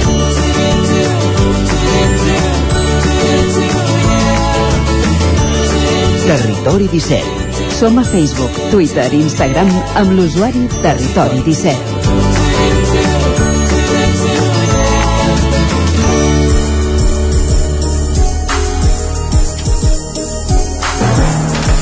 Dos minuts que passen d'un quart d'onze del matí al territori 17 avancem. Avui a l'espai de l'entrevista parlarem de llibres i és que s'apropa la Diada de Sant Jordi i les diferents presentacions de llibres que es fan a la zona de cobertura del territori 17 ho fan notar. Mercè Jorba de Caldes de Montbui ha presentat aquest dissabte a la Biblioteca de Caldes un nou llibre, Camins de Glòria i Tempesta. Caral Campàs, zona codinenca, bon dia. Hola, bon dia. Doncs sí, ha presentat aquest llibre que s'afegeix al a la butlleta de loteria i els quaderns del Diable i per parlar amb ella i conèixer més detalls d'aquesta novel·la Camins de Glòria i Tempesta eh, parlem amb ella, la tenim al telèfon Bon dia Mercè, moltes gràcies per atendre'ns Mercè? Sí? Hola, bon dia. Hola, bon dia. Cara... Hola. Sí. Uh, és nascuda el 1957 i barcelonina de naixement. Quan va venir a, a viure a Caldes? Eh, bueno, jo soc nascuda a Barcelona, concretament al barri de Sants, però porto a Caldes des de l'any 1991. O sigui, pràcticament mig calderina. Molt bé. Ha compaginat la seva passió per l'escriptura en el seu temps lliure amb la feina administrativa. Quins van ser els seus primers passos en el món de, de l'escriptura?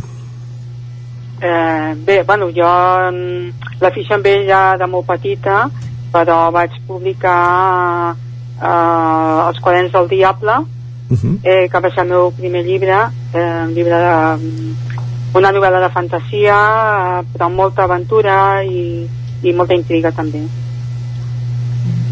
Uh, I després també vas publicar, no?, el 2018, la butlleta de loteria.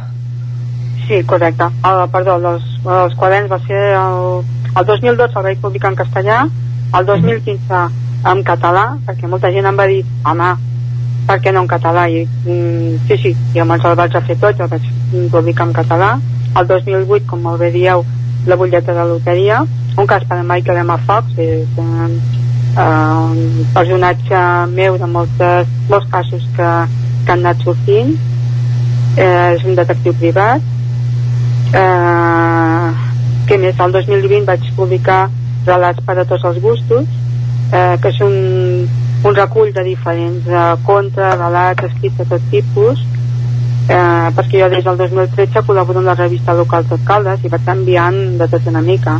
I molts veïns que em anaven seguint em deien eh, i per què no, no ho publiques? I llavors vaig pensar, bueno, doncs, doncs per què no? I vaig fer un recull i eh, com dic, el 2020 va sortir publicat a l'Espa de tots els gustos, que és un, un recull de 80 relats.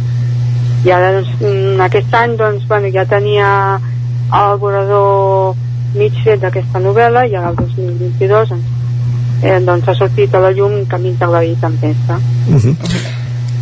Endavant, Caral.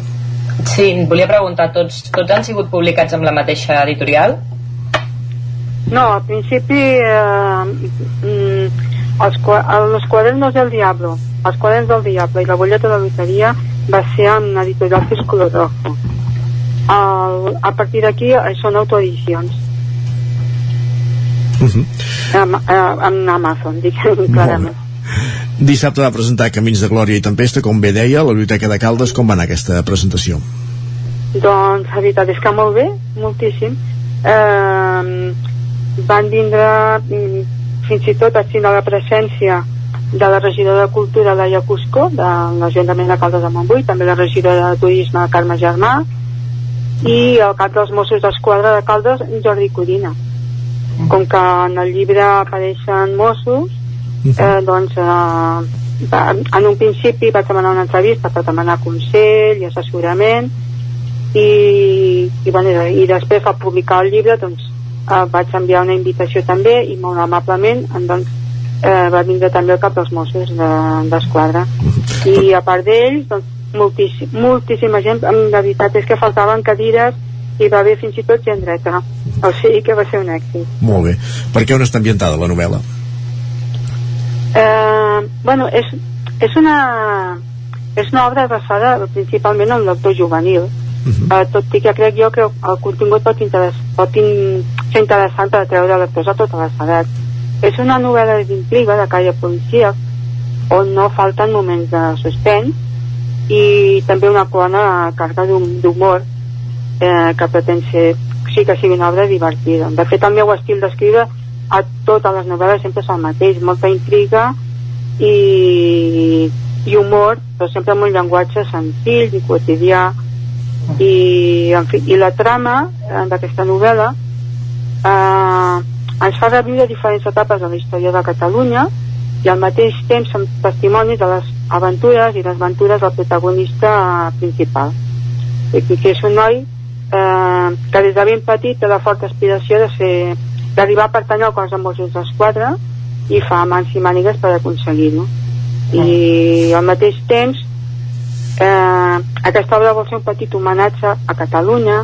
Hi ha una part de la seva història que lligada a la del protagonista doncs va avançant per camins tortuosos per dir d'alguna manera perquè el títol sí que en l'obra hi ha una tormenta però eh, la novel·la no va d'això o sigui el títol és metafòric totalment i el que vol dir és que mm, tant, a, tant el protagonista com Catalunya que, que la seva història va de la mà en aquesta novel·la eh, caminen per camins tortuosos per aconseguir un, un futur de glòria per dir d'alguna manera Ara apuntava que es va haver de documentar parlant amb els Mossos. Què en va extreure d'aquestes reunions? Eh, D'entrada, una bona acollida, molta amabilitat i moltes ganes d'ajudar-me. I llavors eh, vaig demanar assessorament perquè, esclar, jo temes de protocol ho desconec.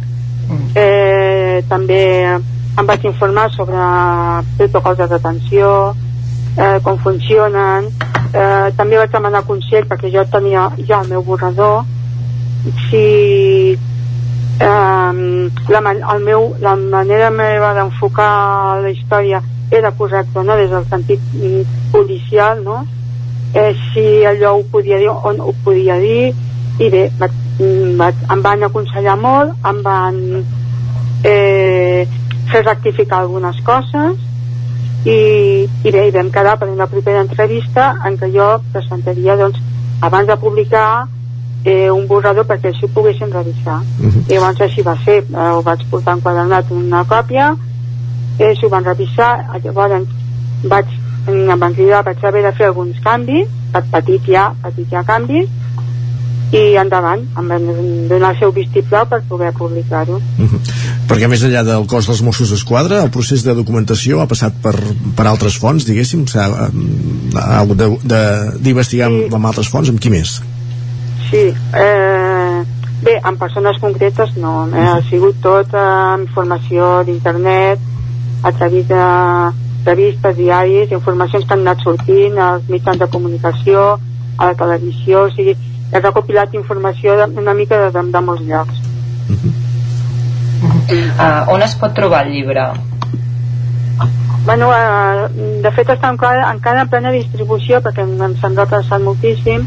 Eh, de moment eh, aquí a les llibreries de Caldes de Montbui, eh, està també a Amazon i també eh, la idea és, és eh, portar-lo aquí a Sant Feliu de Codines i fer distribució pels voltants de Caldes i a Barcelona, evidentment, a la Casa del Llibre i tots aquests llocs.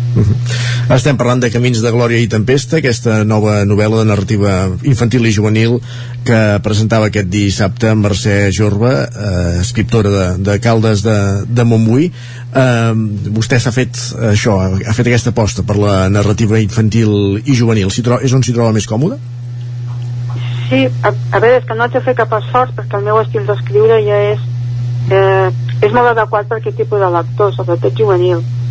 Eh, llavors, amb el sí que és veritat que des del primer, primer llibre a l'actual han, han passat eh, un, un temps en què he anat variant una mica l'estil, van sortint vocabulari, uh -huh. però eh, diguem que la meva manera d'escriure no ha variat i sempre, sempre he, he notat una afluència de lectors molt, molt juvenil que tot l'institut de Caldes de Montbui, el Manolo Hugué, sé que els quadrants del diable se'l anava passant de classe en classe durant molt de temps. Molt bé. I, i, i bé, sempre he notat molta uh, bona acceptació i ja dic, el meu estil ja és mm, per, un estil, per un lector juvenil sense haver-m'hi d'esforçar, perquè és el, la meva manera d'escriure.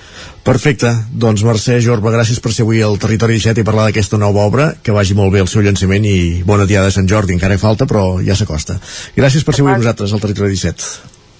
Gràcies a vosaltres també per haver-me deixat participar en el vostre programa. Bon dia.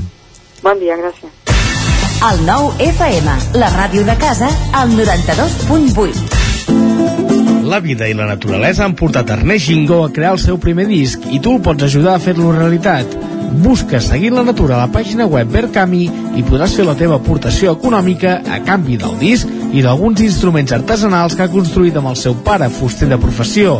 Ajuda l'Ernest Gingo a fer realitat aquest primer disc que fa un viatge musical per la connexió amb la naturalesa. I un sentiment. Estàs afectat pel càrtel dels cotxes? Si vas comprar un cotxe entre el 2006 i el 2013, pots recuperar fins a un 15% del preu de compra. Contacta amb Puig de Canet Advocats i et tramitarem la reclamació en col·laboració amb Redi Advocats, un despatx d'abast estatal amb més de 40.000 afectats, sense pagaments, sense riscos i sense judicis. Només cobrem si tu cobres. Truca al 93 883 3223. Això és el que s'escolta al voltant d'una caldera saunia d'Oval tranquil·litat i benestar, perquè gaudeix del millor manteniment del servei tècnic oficial per estar despreocupat. O el que vulgui. Informis a Oficiat Nord trucant al 938860040. Saunier Duval, sempre al seu costat. Cobertes serveis funeraris. Els nostres tanatoris estan ubicats en els nuclis urbans més poblats de la comarca d'Osona per oferir un millor servei. Tanatori de Vic, Tanatori de Manlleu, Tanatori de Centelles i Tanatori de Roda de Ter. Sabem que són moments difícils i per això el nostre compromís és atendre-us en tot moment amb un tracte humà, sensible i respectuós. Cobertes serveis funeraris. Telèfon 24 hores 93 883 23 46. A la rostisseria El Plat ens agrada la cuina de sempre, la de les àvies i de les mares, la cuina feta amb paciència com s'ha fet tota la vida. Vine a provar els nostres canelons gruixuts o els croquetons, les nostres croquetes de 80 grams i recupera el gust del pollastre a com els que es menjaven abans. Ah, i aprofita fins a finals de febrer 20% de descompte en els canelons i el pollastre. Rostisseria El Plat, encàrrecs fins a les 12 del migdia i servei a domicili. Ens trobaràs de dijous a diumenge al carrer Església número 6 de Taradell o al 93 130 35 58 85. Cocodril Club. Si t'agrada la bona música dels anys 60, 70 i 80, escolta el 9 FM als matins de dissabtes i diumenges d'11 a 1. És el temps del Cocodril Club, tot un clàssic de la ràdio, amb les bases del pop-rock, les llegendes, les cançons que s'han convertit en autèntics himnes. Recorda, dissabtes i diumenges al matí, d'11 a 1, al 9 FM 92.8. Cocodril Club, el programa revival de l'Albert Malla. Hasta luego, cocodrilo. El nou FM, el nou FM, el nou FM. En punt dos quarts d'onze al territori 17.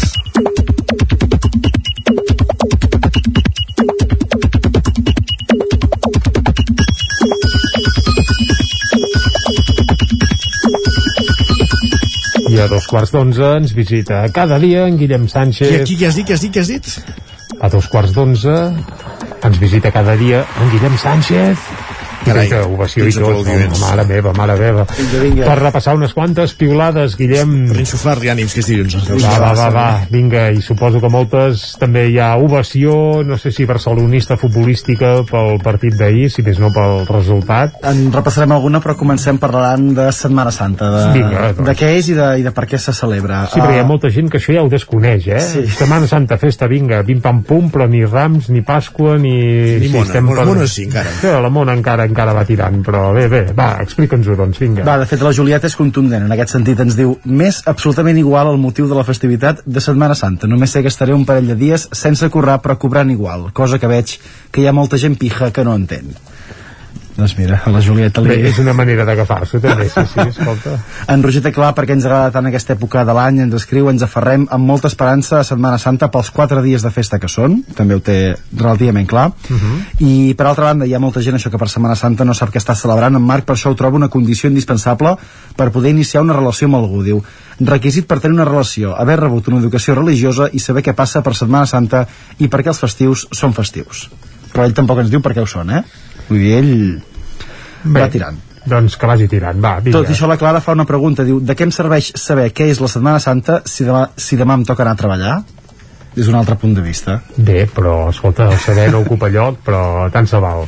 Més I- coses, va. I la Montserrat ens aprofundeix en aquesta qüestió, ens diu una cosa que s'agraeix d'haver rebut educació religiosa és que saps què passa per Setmana Santa i per què els festius són festius. Tinc amics, tinc amics de la meva edat a qui encara els ho he d'explicar. I la Montserrat em sembla que se'n va ja cap als 30 molts o cap als 40 pocs. Clar, és que això jo penso que s'hauria d'ensenyar no l'assignatura de religió, sinó, escolta, això s'hauria d'aprendre eh, perquè és cultura popular gairebé, fet- no? de I fet, després tothom que cregui que no cregui, que faci el que vulgui, però clar, el calendari ve d'on ve. De fet, ell ens diu, per això és important que a l'escola s'ensenyi cultura de les religions. De Correcte. totes, de totes. Doncs va, està bé, ens hi apuntem amb aquesta opció. Sí, aquesta seria l'opció lògica. Sí. I vinga, i quan s'està de vacances I poden... per exemple, per cert, aquest cap de setmana festassa a Vic, per exemple, per celebrar que el ramadà ja el tenim actiu i viu, doncs també estaria bé que algú ho expliqués quan ve i que també va en funció de la lluna i que no Sí. és cada any el mateix dia, com passa amb la Pasqua, que també es mou amunt i avall, i bé, estaria bé fer pedagogia d'això, sí. Doncs va, i quan, i quan s'està de vacances però poden passar coses com aquestes, com la que ens explica l'Adrià, que ens diu dormia més quan hi havia universitat que ara que sóc de vacances. Carme, deixa'm reposar, si plau. De fet, hi ha gent que també es busca plans sempre i que... Sí, sí, que és de vacances i en comptes d'aprofitar per dormir i llevar-se a mig matí, doncs es lleva a les 7 del matí per anar vés a saber on, que bé, que escolta, cadascú que faci el que vulgui. I la Martina per això ens fa evident una reflexió que diu la pressió social per haver de tenir plans 24 hores al dia, 7 dies de la setmana i sobretot quan tens vacances, diu no tenir res també és un bon pla. I tant. I tant. I tant. No cal que ens molt estressem. bon pla, molt bon pla, ens hi apuntem. Va, i aquest diumenge, com deia, mega remuntada del Barça a la Lliga, Ara, fet que també ha ara. Deixat molts comentaris a les xarxes, en destacarem alguns, per exemple, el de l'Andreu, que ens diu l'Englet fa penals com qui fa els cafès. Pim-pam. Bé. Reflexió. El Gerard Piqué no hi era aquest cap de No setmana, era, eh? no hi era. estava de baixa, diguem-ne. En canvi, l'afició està de nou enamorada d'un perfil de jugador com ara el d'en Luc de Jong. En Mario s'ha hagut de desdir d'alguns dels comentaris que havia fet d'ell. Li escriu directament. Soc un dels molts aficionats del Barça que he de demanar perdó i ja vaig tard a Luc de Jong, un gran professional i autor de gols decisius. I jo personalment li he faltat el respecte moltes vegades. I mira que ho fa en 10 minuts, eh? Perquè Sí. va No li ser els cal que va més. estar al camp, eh, que no... Sí, de fet, sí. havia llegit alguna estadística de gols d'aquesta no sé si era temporada o d'aquest any natural que ja em portava més que més que en Haaland directament Home, bé. Que en els partits que havia jugat amb el Sí, Barça n'havia amb molts, deu amb molts menys natural. minuts. Deu ser de l'any natural perquè l'anterior any natural va fer molt pocs. doncs eh, també em, em porta més que, que en Messi aquest any natural Tampoc costa gaire. Sí, això és poc, eh, poc mèrit. Però vaja, bé, bé. els números estan aquí els No, números no, aquí. doncs felicitats al Luc de Jong, i tant que sí. Va, i algú com la Mireia potser estava de ressaca quan mirava el partit, ens escriu resulta que el Barça juga contra un equip que també és blaugrana he aplaudit els gols al revés doncs mira. Això li passa per anar a la festa de presentació del nou disc de Sixtus que Per es va fer dissabte a la Cabra. Va. Molt bé. Va, i canviar de tema, i per acabar sempre és important que actuem correctament pensant en les generacions més joves. La Gemma ens escriu, es fa saber que avui m'he aturat en un semàfor en vermell per donar un bon exemple a la criatura i col·laborar amb la mare que li estava explicant. I li recordem, Home, no només és s'ha de fer cada dia, aturar-se amb un semàfor en vermell. no només és important tenir una mare i un nen al costat, sinó fer-ho sempre que no tinguem, no tinguem ensorts. I tant. Doncs, doncs, uh... Jo, doncs jo vaig ser el que va passar per un semàfor en vermell, però és que quan vaig mirar abans que es posés vermell estava verd, i llavors jo vaig tirar d'inèrcia. I quan era al mig dic, ai no, ara ja és vermell. Cas un nena, cas un nena. Va, Què hi farem? uh, avui que va estar en vermell, sí. Sí. uh, Guillem, uh, escolta, si mai et trobes en semàfor en vermell, atura't-hi, tant si ets vianant com Sempre, cotxe sempre. com amb el que sigui. Va. Sempre. Doncs va, nosaltres ara posarem el semàfor verd cap a les portades del 99.cat. Per tant, comences per la verda, dius, eh? Sí, i tant, i tant. Comencem per la verda, la del Vallès Oriental, que ara mateix obre explicant que Educació rebutja la petició de l'Institut de la Vall d'Altenes d'impartir batxillerat artístic. Per tant, l'any vinent no hi haurà batxillerat artístic a l'Institut de la Vall d'Altenes. Més coses. Llinars del Vallès incorpora quatre agents a la plantilla de la policia local i investiguen l'abandonament de vuit cadells acabats de néixer a Mollet, un fet del qual ens fèiem ressò divendres passat. Havien trobat vuit cadellets, no se sabia ben bé d'on havien aparegut, doncs bé, es veu que ho estan investigant i diguem si, si ho acaben esbrinant. I també Caldes de Montbui registra la temperatura mínima més baixa en un abril des del 1996. Això va passar la setmana passada. Anem ara a fer un cop d'ull a l'edició d'Osona i el Ripollès, la de color vermell, si hi ha un semàfor vermell no us el salteu, eh? I ara mateix qui obre el 99.cat d'Osona i el Ripollès és Josep Paré, alcalde de Centelles, al qual se li ha fet una entrevista i explica que amb l'Electra vam optar per perdre diners i no repercutir el preu al ciutadà. L'Electra vindria a ser la companyia elèctrica municipal que hi ha a Centelles. I bé, tenint en compte que s'han apujat els preus a Centelles van fer un esforç, no els han apujat. Han Els han apujat mantingut menys, vol dir. bé, potser sí, bàsicament deu ser això i han optat això, diuen, per perdre diners eh, i no repercutir el preu al ciutadà. Aquest és el titular d'aquest- d'aquesta informació. També hi apareix que Esquerra Republicana de Manlleu deixa sense cartera el regidor de Junts a l'Eix Estrada. N'hem parlat ara mateix al butlletí de les 10 també hi apareix el programa especial del nou TV pel Mercat del Ram. Recordem que aquest cap de setmana va ser de Mercat del Ram eh, a Vic. I la plataforma Stock Jocs Olímpics considera, obrim cometes, tendenciosa la consulta que finalment es farà al Ripollès. Doncs, que dit això, serà moment d'entrar a la taula de redacció. Gràcies. Vinga, anem-hi.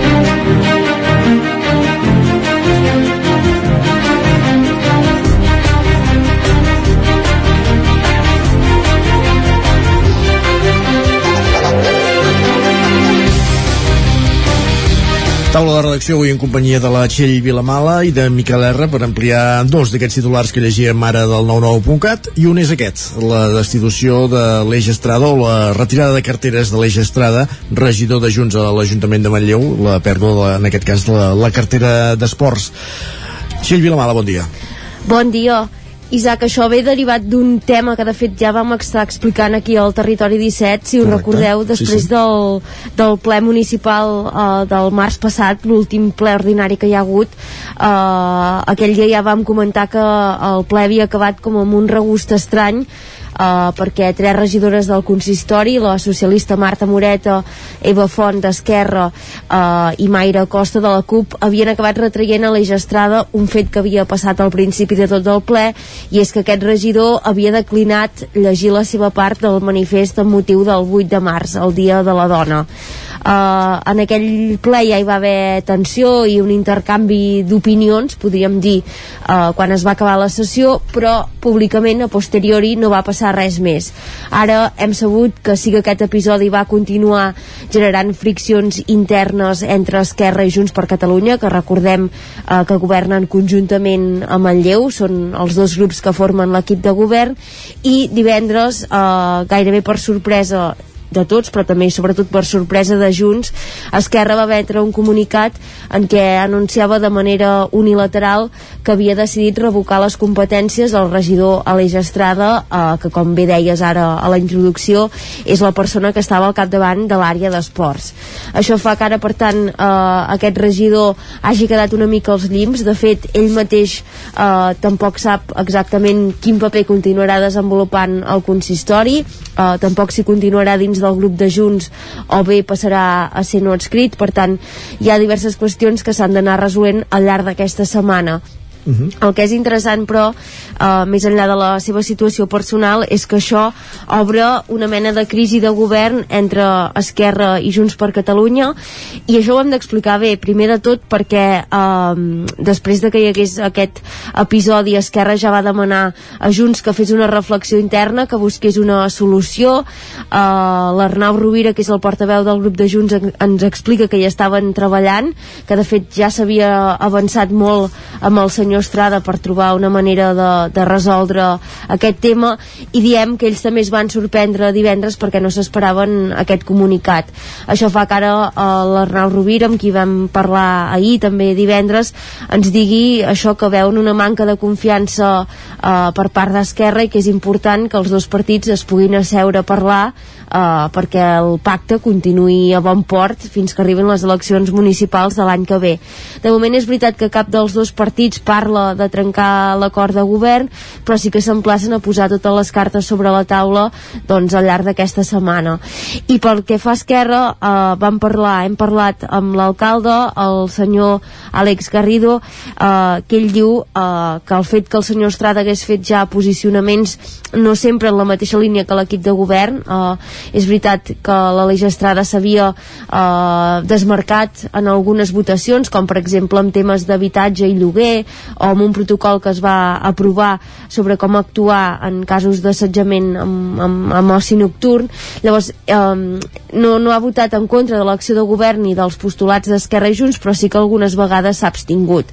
Això des del punt de vista de Garrido doncs ja era, si més no, estrany, i ell considera eh, que el fet que el 8 de març el ple en què recuperava el manifest del 8 de març no volgués llegir una part del manifest com sí que van, van fer la resta de regidors va ser creuar una línia vermella i en, en definitiva no, la gota que va fer vessar el got.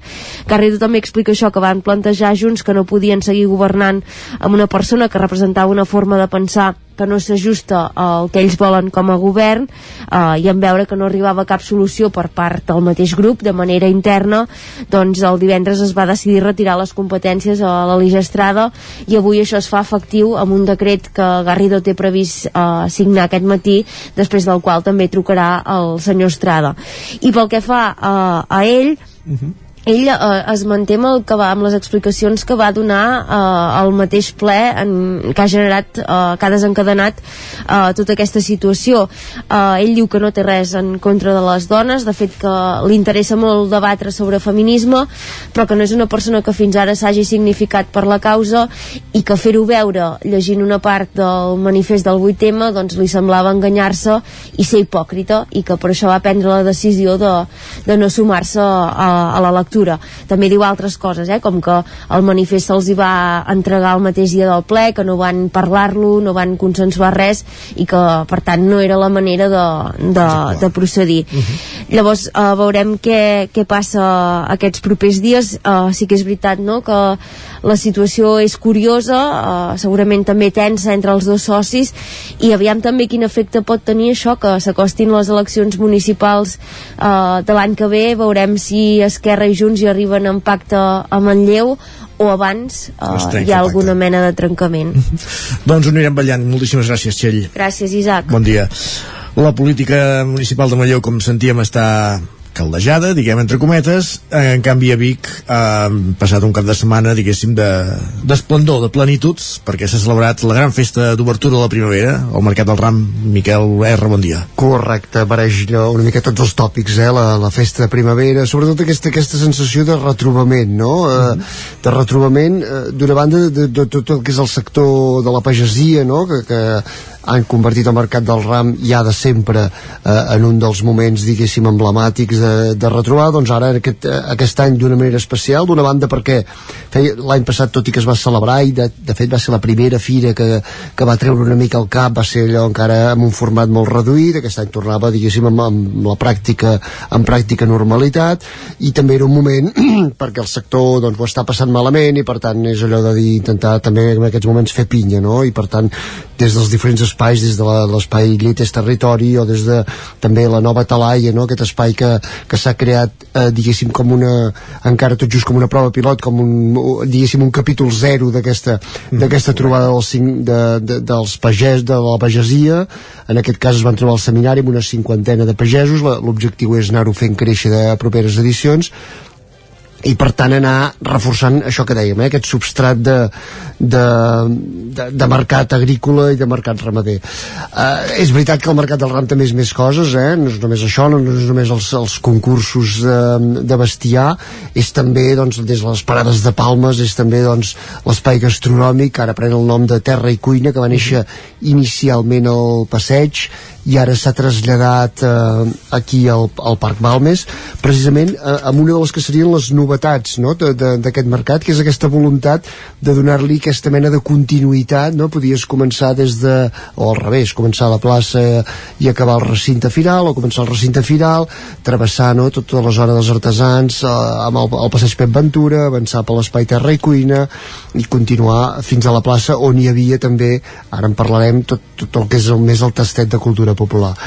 Mm, sensació d'això, les xifres mm, eh, mostren que no s'ha arribat encara diguéssim al sostre del 2019 de fet eh, ja fa temps que eh, tot i que és la fira diguéssim més històrica, més emblemàtica ja no és la més multitudinària de Vic recordem-ho mm, perquè tenim el mercat medieval a, a l'entrada de l'hivern per tant, però sí que les xifres encara és difícil perquè sí que es pot comptabilitzar la gent que passa de la casa de pagès i el recinte final, però per la resta a vegades es mouen molt amb sensacions o, o, uh -huh. o tiquets, diguéssim, venuts de teca, no?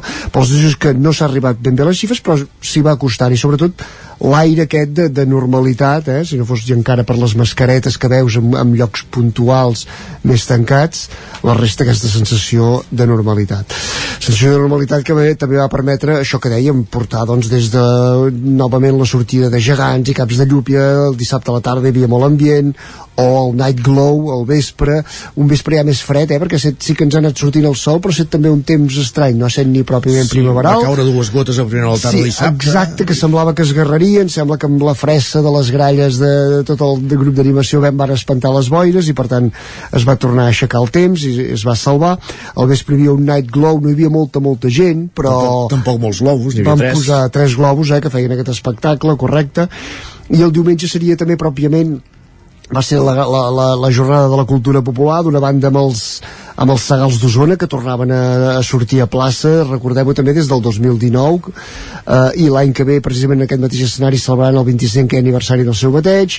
Han arrencat, recordem encara amb pocs efectius amb castells de set, molt meritoris al costat dels xics de Granollers i els castellers de Barcelona. A la mateixa plaça hi havia molt, molta animació també amb el tradicional concurs de, de bitlles catalanes o a la tarda la plec sardanista. Per tant una mica això, eh? una sensació i a més a més acabant amb, amb, amb, la, amb la història històrica processó al vespre, diguéssim, del tragí de tot el dia, eh, el silenci que es fa a partir de les 9 del vespre eh, amb les atxes i els soldats passejant pel centre històric, per tant una mica sensació de, de normalitat que és la que tots plegats eh, estàvem esperant. Perfecte, doncs Mercat del Ram i que cap de setmana, gràcies Miquel per explicar-nos-ho i nosaltres anem cap a parlar d'esports, que també hi ha hagut activitat esportiva aquest cap de setmana.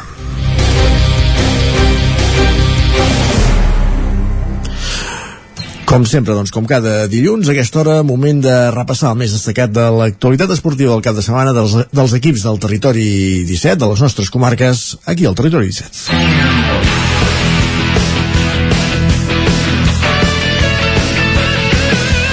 Onze minuts que falten perquè siguin les 11 i el primer que fem en aquesta roda esportiva és saludar l'Òscar Muñoz de Ràdio Televisió Cardedeu per conèixer els resultats dels equips de Granollers, de Cardedeu, de Llinars. Bon dia, Òscar. Bon dia. Com ha anat doncs, això, el cap de setmana? Resultats no, no massa bons. jo cada dilluns vinc aquí molt pessimista, però és que ja m'ho veia venir i, i doncs això. Eh, comencem el repàs esportiu amb el futbol, amb la, pri, amb la derrota del primer equip que a poc a poc s'està desinflant després de no poder aconseguir la lluita per la primera posició a la Lliga. L'equip sènior que jugava a casa contra el Torelló doncs va acabar perdent per un gol a 3. Aquesta derrota fa que el, el primer equip del Cardedeu anava segon a la classificació, doncs ara ha baixat fins la tercera posició. On, on sí que tenen victòria va ser el filial, que aquest sí que està lluitant per la primera posició a la tercera catalana, que dissabte va guanyar per la mínima al camp del Vilamajor per 0 gols a 1 i estem diem que està lluitant perquè el Sant Celoni, tot i anar segon, té un partit menys, així que, doncs, això. El Sant Celoni també va guanyar i per 4 gols a 2 contra la Batllòria. Això fa que eh, encara l'equip filial vagi primer, però esperant a que perdi el Sant Celoni doncs, per situar-se líders indiscutibles. A la mateixa lliga, Llinàs va perdre eh, a casa per un gol a 4. El Llinàs també baixa eh, una posició i ara està a les portes del descens. Així que s'està complicant la vida al Llinàs a la tercera catalana.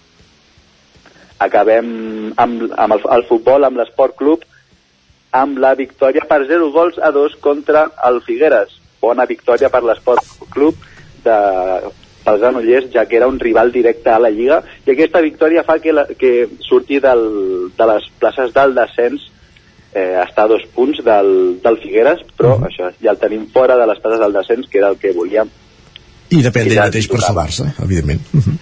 On portem males notícies és a, a l'handbol, a l'handbol a Cardedeu, eh, tant l'equip femení com el, el, el masculí si jugaven aquest cap de setmana les, la permanència a les seves lligues eh, no, van, no van poder ser així. La, les noies van perdre i així que l'any que ja no hi seran a la Lliga Sènior Femenina després de perdre el camp del Martorell per 33 a 28. S'ho jugaven tot en aquest partit i l'equip local doncs, va ser molt fort i va aguantar el ritme durant tot el partit.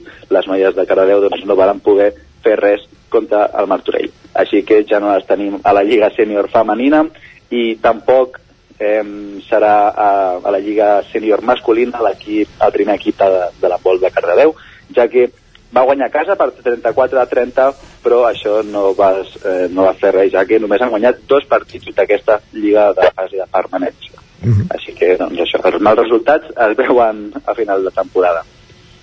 I acabem amb l'embol a Granollers, eh, amb els dos equips professionals. El Franking no va poder passar de l'empat a 32 contra la de Mat de León i això fa que el Vidassó a Irún els avanci a la classificació i ara el Franquín Granollers està a la tercera posició. I si va guanyar va ser les noies del CAC 7 contra el Roca Casa Gran Canària, jugaven a casa i van guanyar per 34 a 27. Les noies del CAC 7 que es mantenen a la setena posició de la Lliga Guerreres d'Iberdrola. Perfecte, Òscar, doncs moltíssimes gràcies, bon dilluns. Bon dilluns, que vagi que vagi bé. Continuem aquest recorregut amb la Caral Campàs des d'Ona Codinenca. Aquí ja saludem per saber els resultats dels equips esportius de Caldes, de Sant Feliu, de Vigues, del Moianès. Com ha anat això, Caral? Bon dia, de nou. Hola, bon dia. Doncs bé, més o menys mm, bé, tenim algunes notícies bones i altres de dolentes. Començo pel futbol, si us sembla, a segona catalana. El Caldes, eh, que va dominar de principi a fi el partit d'aquest dissabte a la tarda al camp del Santa Perpètua i va tancar el marcador amb un contundent 0 a 6 per tant els calderins com recordeu que eren líders doncs eh, consoliden aquest lideratge que necessitaven després de l'empat de la setmana passada contra el Sant Julià de Vilatorta. Amb aquest resultat doncs comentar-vos que Alcaldes es manté primer com deia de la categoria a 8 punts per sobre de, del Torelló el seu principal perseguidor i a tercera catalana encara en futbol el Mollà tenia descans i el partit que s'havia d'enfrontar entre el Sant Feliu de Codines i el Borgunyà eh, va quedar suspès per manca de jugadors de l'equip usonenc per baixes per lesió. Eh, qui sí que va jugar va ser el filial d'Alcaldes a tercera catalana, que bé, no ho, va fer, no ho va fer tan bé com el primer equip. Va ser derrotat pel Ceba per 2 a 1, eh, tot i que Alcaldes es va avançar al marcador marcant el primer gol al minut 6 doncs a la segona part el Ceba va, va donar la volta al marcador i tanco aquest eh, grup 6 de tercera catalana amb el Castell Tarsol que va empatar a 2 aquest cap de setmana contra el Centelles. Per tant repartiment de punts entre aquests dos equips en un partit en què els del Moianès val a dir que van pressionar per sortir ràpid a l'atac i van aconseguir avançar-se al marcador. I als minuts finals doncs els dos equips van buscar el gol de la victòria eh, sense però eh, poder marcar. Per tant va tancar el marcador amb aquest empat a dos entre el Castellterçol i el Centelles i me'n vaig okay. cap a l'hoquei sí, uh, les noies del Vigues uh, van guanyar dissabte a domicili per 0 a 2 al Mataró i diumenge es van enfrontar a casa del Telecable Gijón en un partit uh, avançat que correspondia a la jornada 23 contra qui van perdre, eh, per 3 a gols a 0. Aquest darrer partit que us comentava es va jugar anticipadament perquè l'equip asturià eh, tindrà compromís europeu quan hauria d'haver-se enfrontat al Vigas, per tant van avançar a aquest partit i el que és cert és que jugar dues vegades en menys de 24 hores doncs va passar factura a les jugadores de, de Ramon Peralta al Vigas Riells. I acabo en hoquei okay comentant que avui comença la Golden Cup i Alcaldes s'enfrontarà al Porto a les dues del migdia. Alcaldes forma part del grup A on hi ha el Porto, el Benfica i Alcaldes precisament. I eh, bé, si tot eh, anés com ha d'anar eh, Alcaldes s'enfrontaria al Benfica dimecres a un quart de, de 5 de la tarda i la final eh, és diumenge, la, la semi so, són dissabte. Doncs desitgem que tot vagi com ha d'anar. Moltíssimes gràcies, Caral. A vosaltres, Bon dilluns. Continuem aquest recorregut als estudis de la veu de Sant Joan amb, on hi ha l'Isaac Muntades per conèixer els resultats dels equips del Ripollès. Isaac, bon dia. Bon dia, doncs uh, mireu, si us sembla comencem uh, parlant de futbol uh, perquè tenim un, un mal resultat en aquest cas del, del Camprodon que va perdre en el tercer partit del grup U4 de, de la fase de permanència. Ho va fer per 0 a 1 per la mínima casa contra el Torroella. I, i bé, els, els visitants uh, van ser més efectius que, que el Camprodon en aquest cas tampoc hi va haver-hi masses ocasions. Van tenir una, una primera ocasió de falta en què el porter del Camprodon doncs, Sala va estar força encertat. El Camprodon va replicar amb dues pilotes al pal després que el porter fes, fes bones aturades en una mateixa jugada eh, força embolicada. Uh, uh, fins i tot el Camprodon després més tard va reclamar un penal però va ser el Torroella mitjançant corredor que va fer l'únic gol al minut 73 després d'una rematada de cap en un córner, tot i així hem de dir que el Camprodon segueix primer del grup amb 4 punts, els mateixos que el Torroella i que de moment està en una bona situació per salvar-se, però s'haurà de veure què, què passa en els partits que resten. El grup 19 de la tercera catalana de futbol gran partit de, del Camp de Bànol, sobretot a la segona part, on va escombrar els Sant Pons per 1 a 5 i es va retrobar amb la victòria i això que el Canano va començar perdent amb un gol de Coromines a la sortida d'un córner. La primera part es va acabar 1 a 0 amb només una ocasió al final de, del Camp de Manu i a la represa doncs sí que el Canano va ser un huracà amb, eh, de fet eh, Monell només de començar a empatar amb un xut ajustat al pal després d'un córner. Al minut 70 Maideu va fer un golàs per l'escaire després d'una bona jugada individual de, de Monell. El propi Maideu eh, va estar a punt de fer el tercer però ell mateix després el va fer en un penal que va, que va provocar ell mateix eh, i després, eh, del minut 84 al 92, doncs dos gols més un altre de Maideu, el tercer en un contraatac després d'una passada de Christian i un de Monell amb un xut des de dins l'àrea i el Camp de Manuel ara és cinquè amb 43 punts. Recordar-vos que el mateix grup la Badesenc va vèncer per 1 a 2 en el partit ajornat contra el Sant Privat d'en Bas eh, que es va jugar entre setmana en què l'Eix al minut 65 va inaugurar el marcador amb un gol olímpic des del córner i només dos minuts després doncs Gómez va finalitzar en gol una bona triangulació amb un tir per l'escaire i el Sant Privat només va poder retallar distància als últims minuts amb un gol eh, de que va aprofitar una errada en defensa per marcar eh, tot sol davant del porter però ara la Badesenc doncs, és sisè amb 41 punts i, i un partit menys. I, i llàstima a la segona fase a la, a la fase d'ascens de la primera catalana d'hoquei perquè el, el Ripoll podria haver fet un pas de gegant per classificar-se per la lluita pel títol, però va perdre a casa contra el Farners per 3 a 4 en un partit doncs, que tenia dominant, anava guanyant per 2 a 0, fins i tot va tenir una opció per col·locar-se 3 a 0 amb un penal que va fallar, però va perdonar i a la segona part doncs, el Farners va posar una altra marxa, va capgirar l'electrònic, es va posar 2 a 3, el Ripoll va aconseguir empatar però en els últims minuts el Farners va, va guanyar el partit. Uh, ara es mantenen quarts els ripollesos amb 16 punts. I per acabar, dir-vos que en futbol sala, l'escola de futbol sala Ripoll Servicat va superar per 2 a 3 l'eliminatòria de la Copa Federació que havia de disputar a Sabadell contra el Can Llong B i els ripollesos doncs, eh, van tenir les ocasions a la primera part no van ser efectius, el Can Llong va, va aprofitar dos contracops per avançar-se en el marcador però el partit se li va fer molt llarg perquè eh, els visitants van posar setge el Ripoll al final va tenir premi un gol eh, a les acaballes de la primera part i a la segona doncs, va fer dues dianes més que van ser obra de, de Nico i d'Eric per partida doble per capgirar el marcador Perfecte, doncs gràcies Isaac, parlem d'aquí una estona a la tertúlia. Fins després. Fins ara.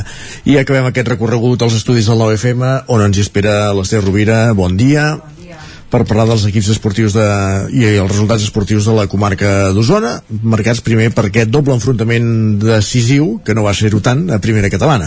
Exacte. Uh, recordem que, que això que la primera catalana de, de futbol ha estat liderada uh, en el grup 2 bona part de la temporada per, per dos conjunts usonencs que, que s'ho han tornat en la majoria de jornades al, al Tona, però també durant algunes setmanes al, al Manlleu, i arribaven doncs, en aquest tram final separats per només 5 punts de, de diferència aquest cap de setmana tots dos tenien partits importants a, a domicili que podien ser determinants eh, però com bé deies tu eh, doncs tots dos eh, van acabar guanyant i per tant eh, encara no s'ha decidit qui serà el campió perquè eh, dèiem que els separen 5 punts i en queden 6 en joc perquè queden Correcte. dues jornades per tant eh, caldrà veure el la següent què és el que passa eh, dèiem que no han pujat punxat cap dels dos. En el cas de, del Tona visitava el canvi de led i es van posar per un gol a 3 gràcies a una gran primera part, mentre que el Manlleu eh, no va tirar la tovallola i també va guanyar pel mateix resultat per 1 a 3 al camp del Rubí, en el seu cas gràcies a l'efectivitat de Marc Roquet, eh, que va marcar dos gols, i també de Pagès, eh, doncs que, que van ser els, els anotadors manlleuencs en aquest eh,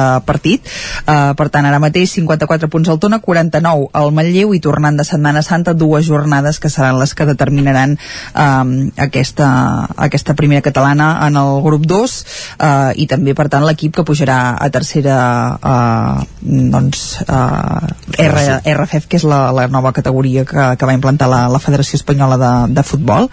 En el cas de, dels altres dos conjunts usonencs d'aquest grup, el Vic i el Vic Riu Primer i que tots dos van perdre els seus partits aquest cap de setmana, el Vic al camp de l'Horta per 4-3 i amb un gol que va arribar al minut 91 uh, partit entretingut per, per tots aquests gols que, que es van veure van remuntar uh, 3 a 1 sí. i l'últim sospir van encaixar l'últim. Exacte, uh, aquelles derrotes que són, que són cruels.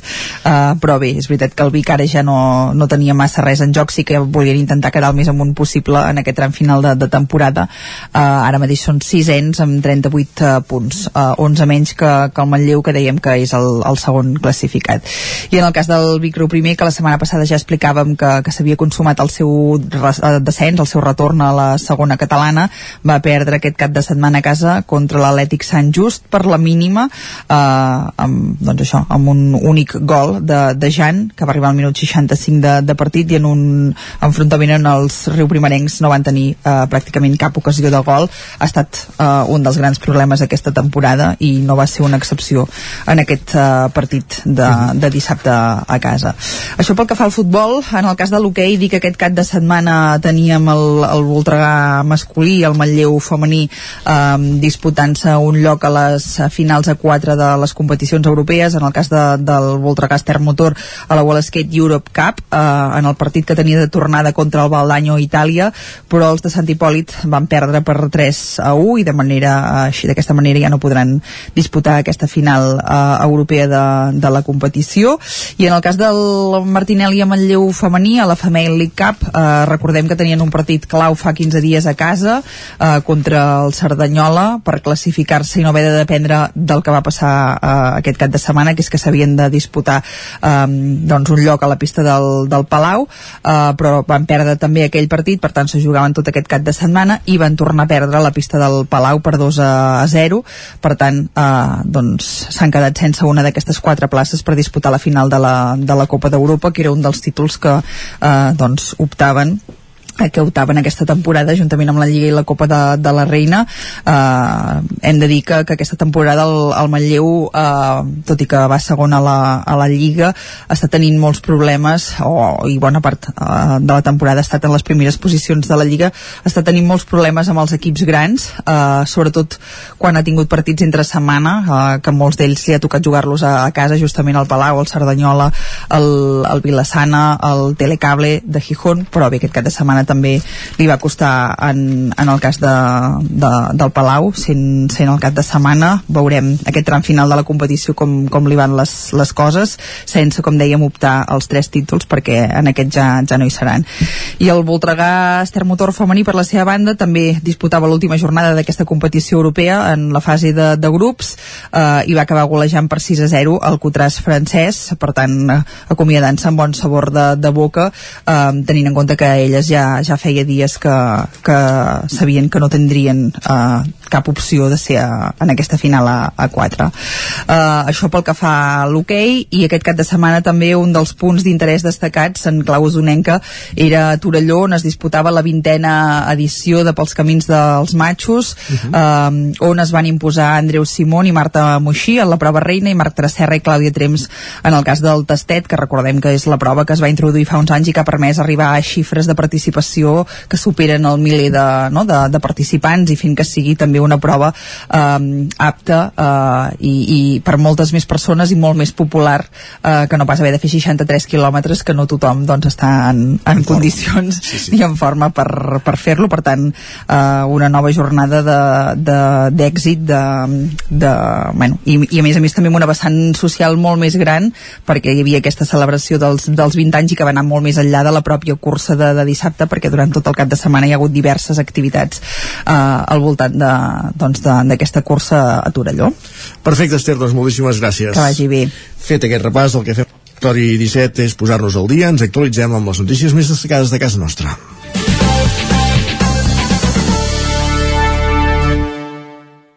Territori 17, amb Isaac Moreno i Jordi Sunyer.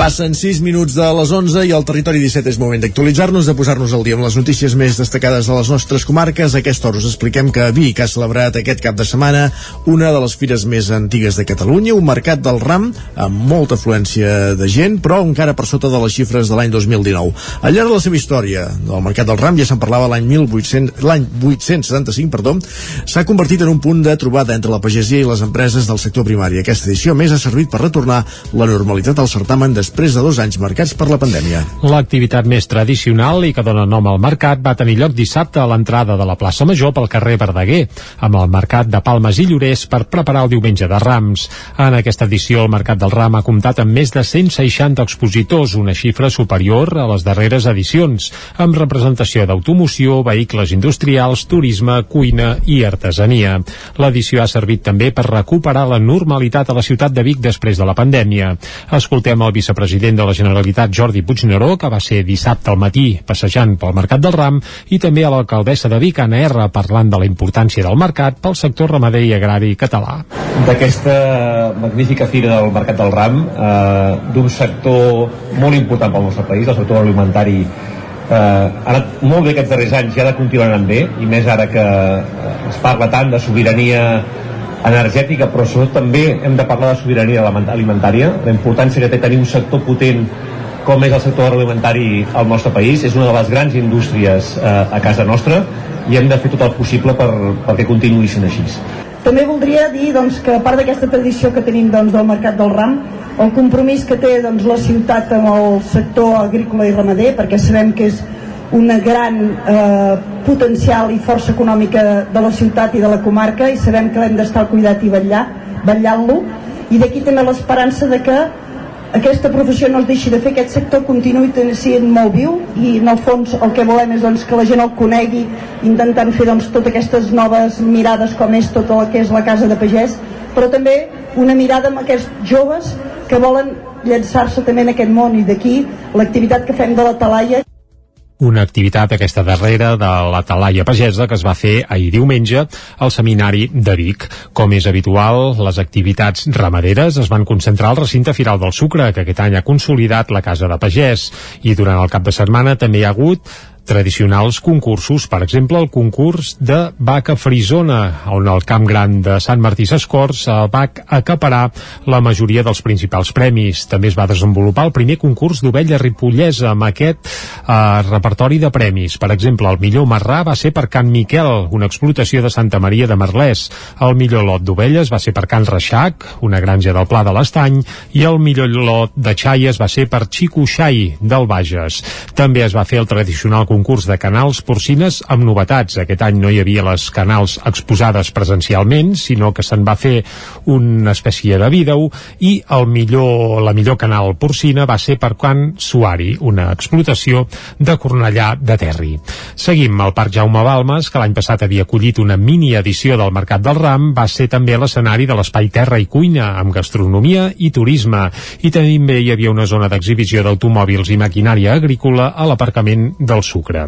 Fins ahir diumenge el cel de Vic també va estar ple de globus i és que es va disputar la 39a edició del torneig internacional de globus del Mercat del Ram amb una quinzena de pilots.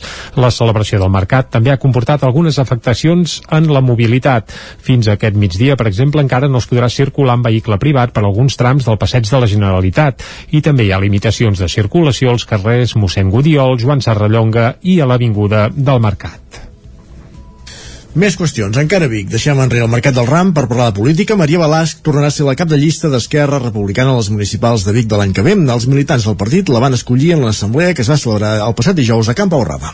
Maria Balasc repetirà com a cap de llista d'Esquerra a les municipals de Vic.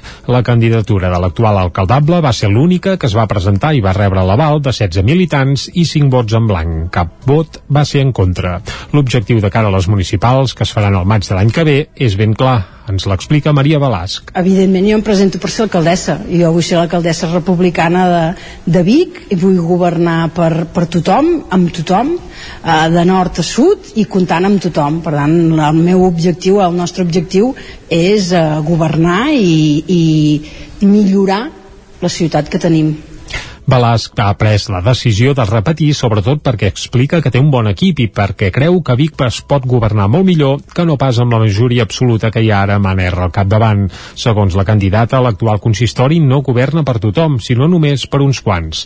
I pensant ja en l'endemà de les eleccions, Balasc no tanca cap porta pel que fa a pactes. L'escoltem nosaltres ja la legislatura passada ja ho dèiem, aquesta legislatura ho tornarem a dir i de fet durant el, a la, aquests tres anys hi ho hem practicat, nosaltres ens entenem amb tothom, eh, hem treballat amb tothom amb tots els partits democràtics, amb tots els partits que estan representats ara actualment a l'Ajuntament la, i per tant tot suma i nosaltres, nosaltres ens presentem per governar i per governar nosaltres. A partir d'aquí, qui li agradi el nostre projecte, benvingut, benvingut serà. Balasc es va estrenar com a regidora el 2015, anant de número 2 de la llista que liderava aleshores Joan Ballana. El 2019 va encapçalar per primer cop la candidatura i va aconseguir mantenir els 5 regidors que Esquerra havia obtingut 4 anys abans. Va créixer en gairebé 400 vots, tot i que en percentatge total va caure 2 punts. Els bons resultats de Balasc, però, van quedar eclipsats per la històrica majoria absoluta que va obtenir Junts per Catalunya amb Anna R al capdavant. Deixem Vic, anem cap al Ripollès, el riu Freser, a Can de Bànol, encara té restes de deixalles d'un accident de cotxe de fa gairebé un any. La veu de Sant Joan, Isaac Muntades. El 9 de maig de l'any passat, un cotxe ocupat per cinc joves va patir un accident de trànsit a l'entrada sud de la carretera nacional 260 a Camp de Bànol, al punt quilomètric 120. El sinistre, que es va produir a les 4 de la matinada, va acabar amb el cotxe estavellat al mig del riu Freser després d'arrencar la tanca de la carretera arran de la velocitat que portava. Tot i l'espectacularitat de l'accident, no es van produir ferits greus. Dues dotacions de bombers de la Generalitat es van desplaçar fins al lloc dels fets i van traslladar tots els ocupants a l'Hospital de Camp de Bànol amb símptomes d'hipotèrmia. Quatre dels passatgers van poder sortir del riu pel seu propi peu, però una noia va haver de ser ajudada i atesa perquè el maluc li va sortir de lloc, però els metges van poder recol·locar-li. En poques hores la grua va treure el cotxe del riu. No obstant això, a menys d'un mes perquè es compleixi el primer aniversari de l'accident, el grup municipal d'Esquerra Republicana de Catalunya es queixa que encara no s'han retirat totes les deixalles que va generar. Així ho explicava el regidor republicà Toni Riera. Quasi un any després, encara queden restes a dins del riu Freser. Ni carreteres, ni ACA, ni l'equip de govern han estat capaços de retirar aquests residus. Aigües amunt i podem trobar-hi un pneumàtic al mig del riu. De veritat som curosos amb el nostre entorn natural? Teòricament, l'Agència Catalana de l'Aigua, com a administració hidràulica responsable de la planificació del sanejament, és part actora en la salubritat dels rius i de les lleres i actua de manera coordinada amb els ajuntaments, els consells comarcals, els consorcis i les mancomunitats que ostenten la competència del sanejament. Gràcies, Isaac. Passa, falta un minut perquè sigui un quart de 12. Llinàs incorpora quatre agents a la plantilla de la policia local. Només un 28% dels aspirants van superar la prova teòrica i van passar a la pràctica. Núria Lázaro, Ràdio Televisió Cardedeu. L'Ajuntament de Llinars ha incorporat quatre nous policies locals que han superat el procés selectiu que s'havia engegat després de la detenció de quatre agents el mes d'octubre passat. Un d'ells, el caporal, a qui acusen de liderar la xarxa de conreu i distribució de marihuana. El dia 2 de novembre de l'any passat es va iniciar la convocatòria d'oposició lliure per cobrir aquestes places. S'hi van presentar un total de 102 persones, de les quals 76 es van admetre i 26 es van excloure per no complir tots els requisits o no haver presentat tota la documentació requerida. Dels 76 admesos, 22 ja no es van presentar les proves escrites i només 15, un 28% les van superar i van passar les proves físiques. Els 13 candidats que van superar les proves físiques van passar les proves psicotècniques, de les quals van sortir les 4 persones que cobriren les places convocades. Fa uns mesos l'Ajuntament va promocionar un agent a caporal, a més de crear una nova plaça de caporal. Amb aquestes incorporacions i els dos nou caporals, l'Ajuntament de Llinars dona per restablerta la plantilla de la policia local que va quedar molt minvada amb l'operació Miranda dut a terme pels Mossos el 26 d'octubre de l'any passat i que va acabar amb la detenció de quatre membres de la policia, una quarta part de la plantilla.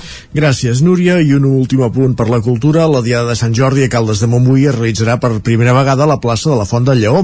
D'aquesta manera, les termes romanes s'estrenaran com a taló de fons del Dia del Llibre i la Rosa. Una codinenca, Caral Campàs. La plaça de la Font del Lleó s'estrena en guany com a escenari de la Diada de Sant Jordi a Caldes. Juntament amb l'Avinguda Pimargall serà l'emplaçament principal d'una jornada que tornarà a omplir la vila d'ambient festiu i cultural. D'aquesta manera, la venda de llibres i roses i les parades d'entitats es concentraran a l'Avinguda Pimargall i la plaça de la Font del Lleó acollirà tallers, mostres i activitats de cultura popular com la trobada de bèsties. El carrer Forn servirà d'enllaç entre els dos nuclis de la Diada amb un itinerari artístic d'exposició i mercat d'art. La celebració de Sant Jordi començarà el dimecres 20 d'abril i es tancarà el dissabte 30 i tindrà presentacions de llibres, propostes artístiques i activitats musicals com un concert de l'Orquestra Municipal de Música Joan Valls o la cantata La Vaca Florinda amb la participació de les escoles de primària del municipi. El d'enguany serà el primer Sant Jordi sense mascaretes després de l'esclat de la pandèmia que va comportar, a més, l'anul·lació d'aquesta diada l'abril del 2020. La celebració es va recuperar l'any passat a Caldes amb l'Avinguda Pimargall i la plaça Neus Català com a escenaris principals i enguany vol recuperar la normalitat amb una gran participació social. Doncs arribats a aquest punt, quan passen pràcticament dos minuts d'un quart de 12 del matí, el que fem és anar cap als solidaris, cap a Ràdio Vic, amb l'Adrià Oliveres. I avui per parlar de la Fundació El Parés. Adrià, bon dia, quan vulguis. La comarca d'Osona no para de meravellar-nos amb les seves fundacions o institucions que tenen molta cura del present i aposten pel futur. El lema que fa servir la fundació de la qual avui parlarem és Tenim una identitat, promovem uns valors i apostem pel futur.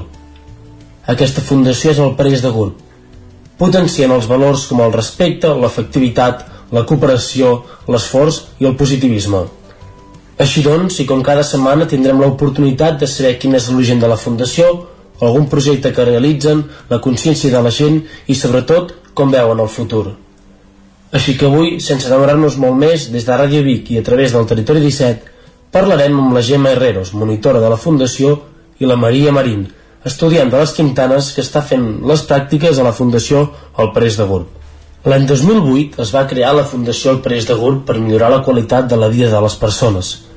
Escoltem com ens explica la Gemma Herreros quin és l'origen de la Fundació. A veure, fa 20 anys eh, va arribar la hipoteràpia al Mas del Puigset Nou de Fogaroles, del PAS, llavors, a conseqüència d'això, doncs ens vàrem adonar que les persones que venien a, a estar en contacte amb la natura i la terra, entre ells també els animals, els resultava terapèutic, tant pels nens com per als pares que els observaven. Arrel d'això, um, tot l'equip que, que formàvem el, que formàvem l'activitat, diguéssim, els pares, els monitors, eh, els, eh, um, vam, bueno, vam, vam veure la necessitat de crear un espai dedicat a aquesta cura. Com que llavors no teníem pas un pla de futur a la finca del Parés, pues, eh, es va adjudicar aquí aquesta funció. Llavors va ser que allà, el 2008, es va crear el que és la Fundació del Parés. Llavors, la, la voluntat i aquesta idea pues, va sorgir de les vivències d'un període d'experiències molt gratificants i positives de tots els voluntaris i persones eh, amb discapacitats que interactuaven, en aquest cas, amb els cavalls. Uh, nosaltres, al veure la felicitat i la millora interna de totes les persones que estaven involucrades, pues va ser quan van decidir uh, crear un espai únic i diferent per cultivar el benestar de, de totes les persones. Des de llavors, eh, la intenció pues, ha sigut eh, col·laborar socialment, adquirir i recuperar valors humans i actituds positives davant de la societat actual. La Gemma també, amb les seves pròpies paraules, ens ha definit la Fundació. Uh, L'entitat, el Parés de Gurt, uh, diguéssim que és una fundació privada, sense ànim de lucre, Uh, com us he dit abans, la vam crear el 2008 per acollir i millorar la qualitat de vida de les persones, de la societat, i concretament els col·lectius en risc d'exclusió social, tant infants, joves i persones amb alguna discapacitat. També li hem demanat per quines activitats fan durant el seu dia a dia o periòdicament. Escoltem, doncs, quines activitats organitzen el Parés de Gurb. Com a activitats també que estem oferint, a part del projecte aquest que és el projecte de l'empoderament de, de joves d'entre 16 i 20 anys, val? que aquest el volem destacar perquè és el que he comentat, que considerem que és un projecte molt necessari. Uh, com a grans escola també oferim visites i activitats per a escoles i instituts, que això de cara al setembre també ja ho estàvem fent però ho volem engegar a nivell més de, bueno, incentivar-ho més Llavors, el casal de lleure d'estiu, estiu Setmana Santa i Nadal, que això també ja fa anys que hi treballem, que són per infants entre 3 i 8 anys. Llavors també fem l'organització del que són aniversaris per a nens i nenes, inclús també lloguem l'espai com per fer alguna festa, uh, alguna festa pues, de, de, també d'aniversari per a grups i colles. Vull dir, entre això fem cosetes així.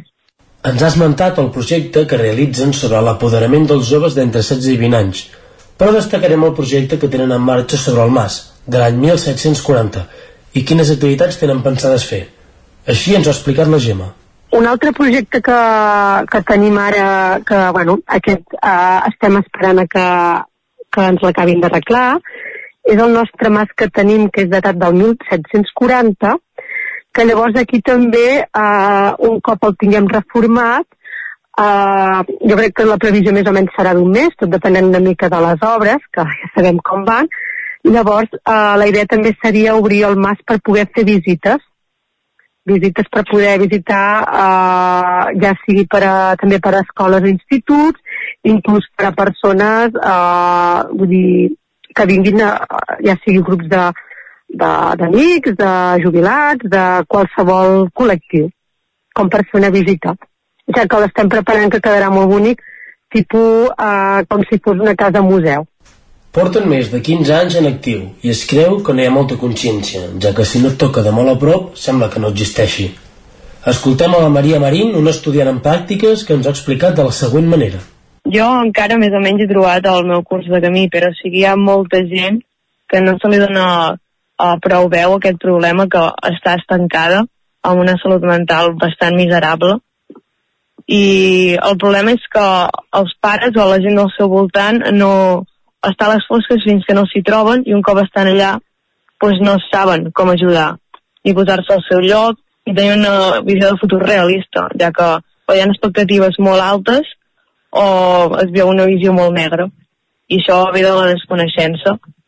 Sí que és veritat que hi ha plans de salut mental, però jo considero que actualment s'estan fent servir els fondos i està tot planejat mm, de manera bastant pèssima. estaria bé tenir publicitat amb, en gent com aquesta, en programes com aquests, en fundacions, que bueno, donen veu a les persones que ho viuen i que bueno, és més fàcil pensar en una persona com una persona, no com uh, aquell uh, nom o, o que està vivint X o notícia. Jo crec que ha canviat, per sort, amb el temps, i que ara cada cop hi ha menys estigmes, es parla més obertament i es té més en compte el benestar emocional, no només el benestar físic és important, però encara ens queda com molt camí. És important fer autocrítica i saber què pot faltar a la Fundació per millorar-la o bé fer-la créixer. Moltes vegades el recolzament no depèn de tu, sinó de la implicació d'altres persones. Això ens ha comentat la Gemma Herrero sobre el que pot faltar a la Fundació. Com a entitat, doncs, clar, ens faria falta pues, sí, de recolzament, val? per, per, per a, a nivell d'entitats de, i ajudes, ja que, bueno, no, no estem gaire recolzats, llavors, clar, estem, el que fem, pues, ho fem pues, amb, amb, amb, els petits, amb els ingressos que rebem, aquests petits de, de lo que fem, extras. Llavors, clar, uh, per fer un projecte així com, com ens agradaria fer, pues, que poguessis tenir més personal a nivell de pues, si poguessis contractar alguna psicòloga, algun altre tipus de professional que pogués ajudar amb les persones que venen, pues tot això eh, ens aniria molt bé tenir aquests recursos, inclús per poder també ampliar el que és un tema d'activitats. Això sempre és d'agrair i també per això estem fent més publicitat i bueno, a veure si poguéssim arribar a, a aquest objectiu. Per acabar, mirarem cap al futur. I així veu la Marina Marín el futur de la Fundació. Jo he estat aquí poca estona, però en general l'objectiu és que ens agradaria que el país es convertís en un centre de rehabilitació per insertar o reinsertar els joves a la societat com a membres funcionals o el que puguin d'aquesta, mentre tenen aquí el suport i el paracaigudes d'aquest espai rural terapèutic. Seria donar una sortida a aquells joves que poden tenir un gran potencial, que han quedat desfavorables o estan perduts davant d'un sistema numèric que no els té en compte ni ells ni les seves circumstàncies. Cada setmana anem coneixent diferents fundacions que volen ajudar aquelles persones que més ho necessiten. Tot i així, també demanen la col·laboració de totes aquelles persones solidàries i que tinguin ganes d'ajudar. Ens han deixat el seu Instagram i el seu Facebook i també tenen pàgina web. Si algú està interessat, pot trucar al 651 77 38 74, el número de la Mercè Bau i segurament dels oients molts es sentiran identificats amb els valors del Press Group, com el respecte, l'efectivitat, la col·laboració, la cooperació, l'esforç i el positivisme. I ja per acabar, un altre lema que utilitzen és ajuda'ls a ajudar. Doncs ens apuntem els deures. Gràcies, Adrià. Tot seguit al Territori 17, una pausa i la traca final. Fins ara mateix. El nou FM, la ràdio de casa, al 92.8. Arriba la primavera i tornen les samarretes. A Gràfic Cert tenim una extensa varietat de samarretes per vestir el teu personal, promocionar la teva empresa, club esportiu, associació... Si estàs organitzant un esdeveniment esportiu o una festa cultural, una samarreta és una bona opció per lluir la teva marca. Ja ho saps, si el que necessites per la teva promoció és una samarreta, Gràfic Cert és el teu proveïdor. I ara també tenim a la teva disposició samarretes 100% reciclades tant de cotó com de polièster. No esperis més i truca'ns al 93 886 12 15 o visita'ns a graficcert.com. Rètols 2A. Experts en comunicació visual. Rètols, banderoles, vinils, impressió, plaques gravades, senyalització, display... Rètols 2 Art. Ja són 25 anys al vostre servei. Ens trobareu a la carretera de Vic a Olot, número 7, al polígon Malloles de Vic. dosartvic.com Telèfon 93 889 2588. La Clínica Dental Sant Fortià hi trobareu un equip professional que treballa de manera coordinada per oferir un tracte sensible i humà. Estem preparats per qualsevol urgència dental i oferim accions preventives per la tercera edat i els infants. El doctor Ramon Garcia, implantòleg de Barcelona, fa 10 anys que visita Torelló. Clínica Dental Sant Fortià. Ens trobareu a la plaça Sant Fortià número 9 de Torelló al 93 859 6408 i al 690 92 51 99. El racó de León ja és primavera. Gaudeix de la nostra terrassa. Vine a tastar les xuletilles de lechal a la brasa amb una bona amanida o el xuletón de vedella gallega. No et pots perdre el nostre lechado de Castilla al forn o el cochinillo a l'estil de Segovia. Tot acompanyat del millor celler, al menjador o fora la terrassa. Descobreix la millor cuina de Lleó sense moure't de casa. Vine amb la família, els amics, la parella o sol. T'encantarà. El racó de León, cuina tradicional lleonesa i de mercat. Som al carrer Torelló número 35 de Vic. Per reserves, telèfon 93 889 1950. El racó de León, una cuina diferent. Cocodril Club. Si t'agrada la bona música dels anys 60, 70 i 80, escolta el 9 FM als matins de dissabtes i diumenges d'11 a 1. És el temps del Cocodril Club, tot un clàssic de la ràdio, amb les bases del pop-rock, les llegendes, les cançons que s'han convertit en autèntics himnes. Recorda, dissabtes i diumenges al matí, d'11 a 1, al 9 FM 92.8. Cocodril Club, el programa revival de l'Albert Malla. Hasta luego, cocodrilo. El 9 FM, el 9 FM, el 9 FM, el 9 FM, el 9 FM.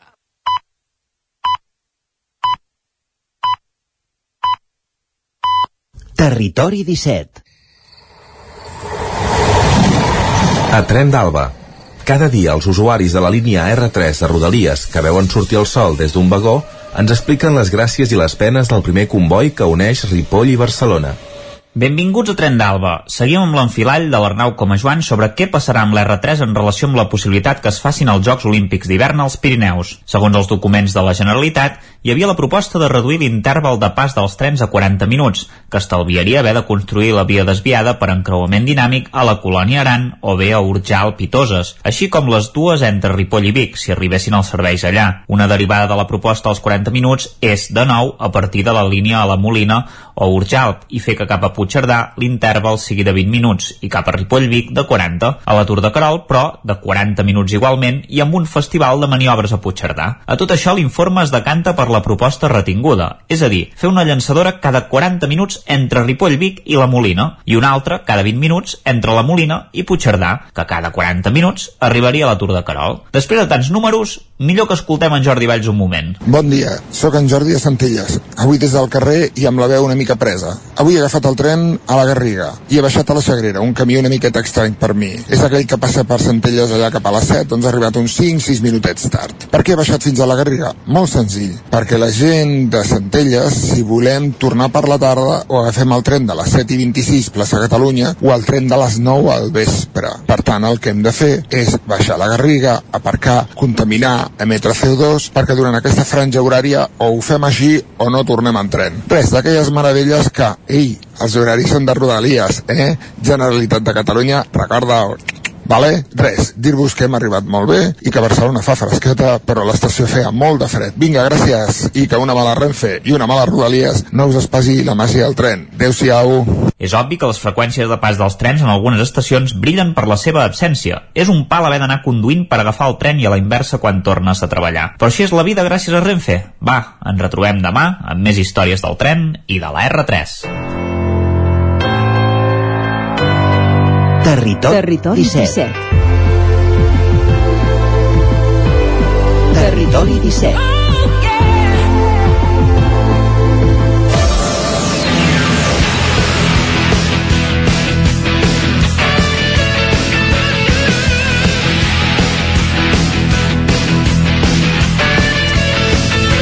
Tres minuts pràcticament que passen de dos quarts de dotze. Entrem a la tertúlia esportiva per parlar, per analitzar els partits de la Lliga de Futbol del cap de setmana, en companyia de Guillem Freixa, Lluís de Planell i Isaac Muntades. Bon dia a tots tres. Bon dia. Molt bon dia. Avui bon un dia, dia en què tothom està content, però alguns voldrien estar-ho més, evidentment. El Barça va guanyar 2 a 3 patint ahir al, eh, al camp del Llevant, l'Espanyol que va guanyar 1 a 0 al Celta i el Madrid que es va desfer del Getafe per 2 a 0 tothom content, no, d'entrada? Sí, jo crec No. que a nivell, No, a, ni- a nivell de la Lliga sí, què, què et passa, Isaac? Perquè, ah, bueno, pel bàsquet, ho dius? No, no, pel Ah. Barça. de futbol Home, no, no, que no et senti dir mai més que no li xiulen tres penals al Barça que hi va haver-hi que el segon penal s'hauria de repetit perquè Araujo va entrar a l'àrea abans que comencés a I això, i això va influir amb el gol molt. no, s'hauria d'haver repetit perquè és el que va fallar Ah, el penal que va fallar va influir en el que- resultat tenen, tenen la capacitat per revisar-ho i revisar-ho tantes vegades com faci falta i només ho revisen estar contra el Girona sí també. Però pots estar segur Madrid i... no. pots estar segur que si, si haguessin vist algun algun bri d'esperança d'intentar fer repetir el, el penal perquè entrava Araujo o perquè en Ter Stegen no tenia ben bé el peu a sobre la línia eh, ho haguessin fet. I, no...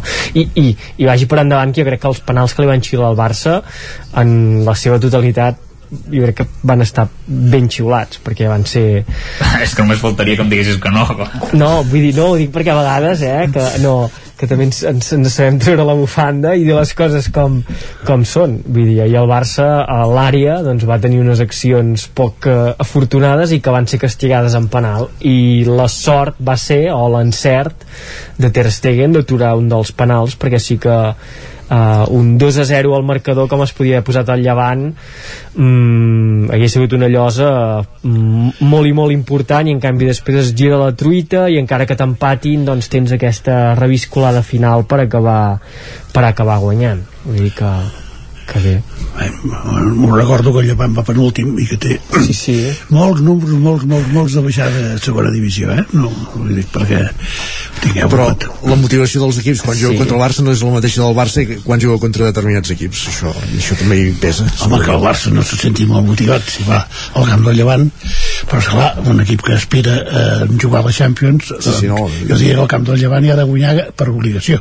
Sí, i ha de guanyar per obligació o si més no ha de demostrar la seva superioritat però també és veritat que el, el Llevant eh, doncs ha sapigut posar en problemes al Barça eh, sempre que, que han jugat al camp del Llevant aquestes últimes temporades i que és un equip això, eh, que s'està jugant la, la permanència, que hi ha hagut aquest canvi d'entrenador fa, unes, ja fa unes quantes setmanes i que hi ha hagut una sacsejada que bueno, que ha augmentat, si més no, el seu rendiment al terreny de joc, però potser no en, no en punts, que això l'està castigant, i de fet és el mateix, o pràcticament el mateix equip que eh, els últim, les últimes temporades ha fet bones campanyes al Llevant a, a primera divisió, si més no salvant-se salvant-se bé amb en, amb en Roger Martí, hi ha el, en Morales, no? aquest Leinis Bardi... El primer partit de la, que va guanyar a casa aquesta temporada, amb tots aquests, va ser contra el Mallorca, a la segona volta. Sí, sí, sí, és que és això, que aquest any no els hi han sortit gens ni mica les coses i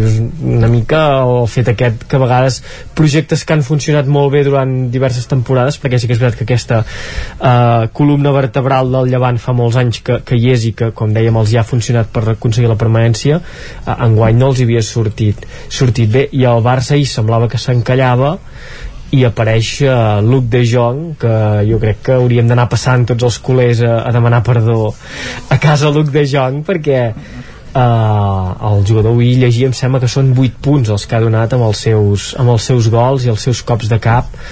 I que si no el tinguéssim Luc de Jong potser diríem hem d'anar a buscar allò, aquella frase que es diu sempre no? el, el, el Larson. Hem de buscar una figura que sigui un Larson un jugador que et surt als últims minuts de partit que se sent vull dir que ada- s'adapta en aquesta situació de, de ser un suplent que surt al final del partit i que a més a més et dona gols doncs és en Luc de Jong ja, ja el tenim aquí a, al vestidor Eh, recordo que és jugador del Sevilla i sí, sí. que probablement sí. pel juny anirà a Sevilla altra vegada. tornarà, sí, perquè no crec o sigui, tot i que al final estem traient un rendiment doncs força bo en, en punts no crec que el Barça pagui per, per quedar-se per, per Luc de Jong tenint en compte també que tenim altres futbolistes a la plantilla que s'haurà de veure què en fem perquè Braithwaite i aquestes coses també estan encara a la Aquestes plantilla aquestes coses.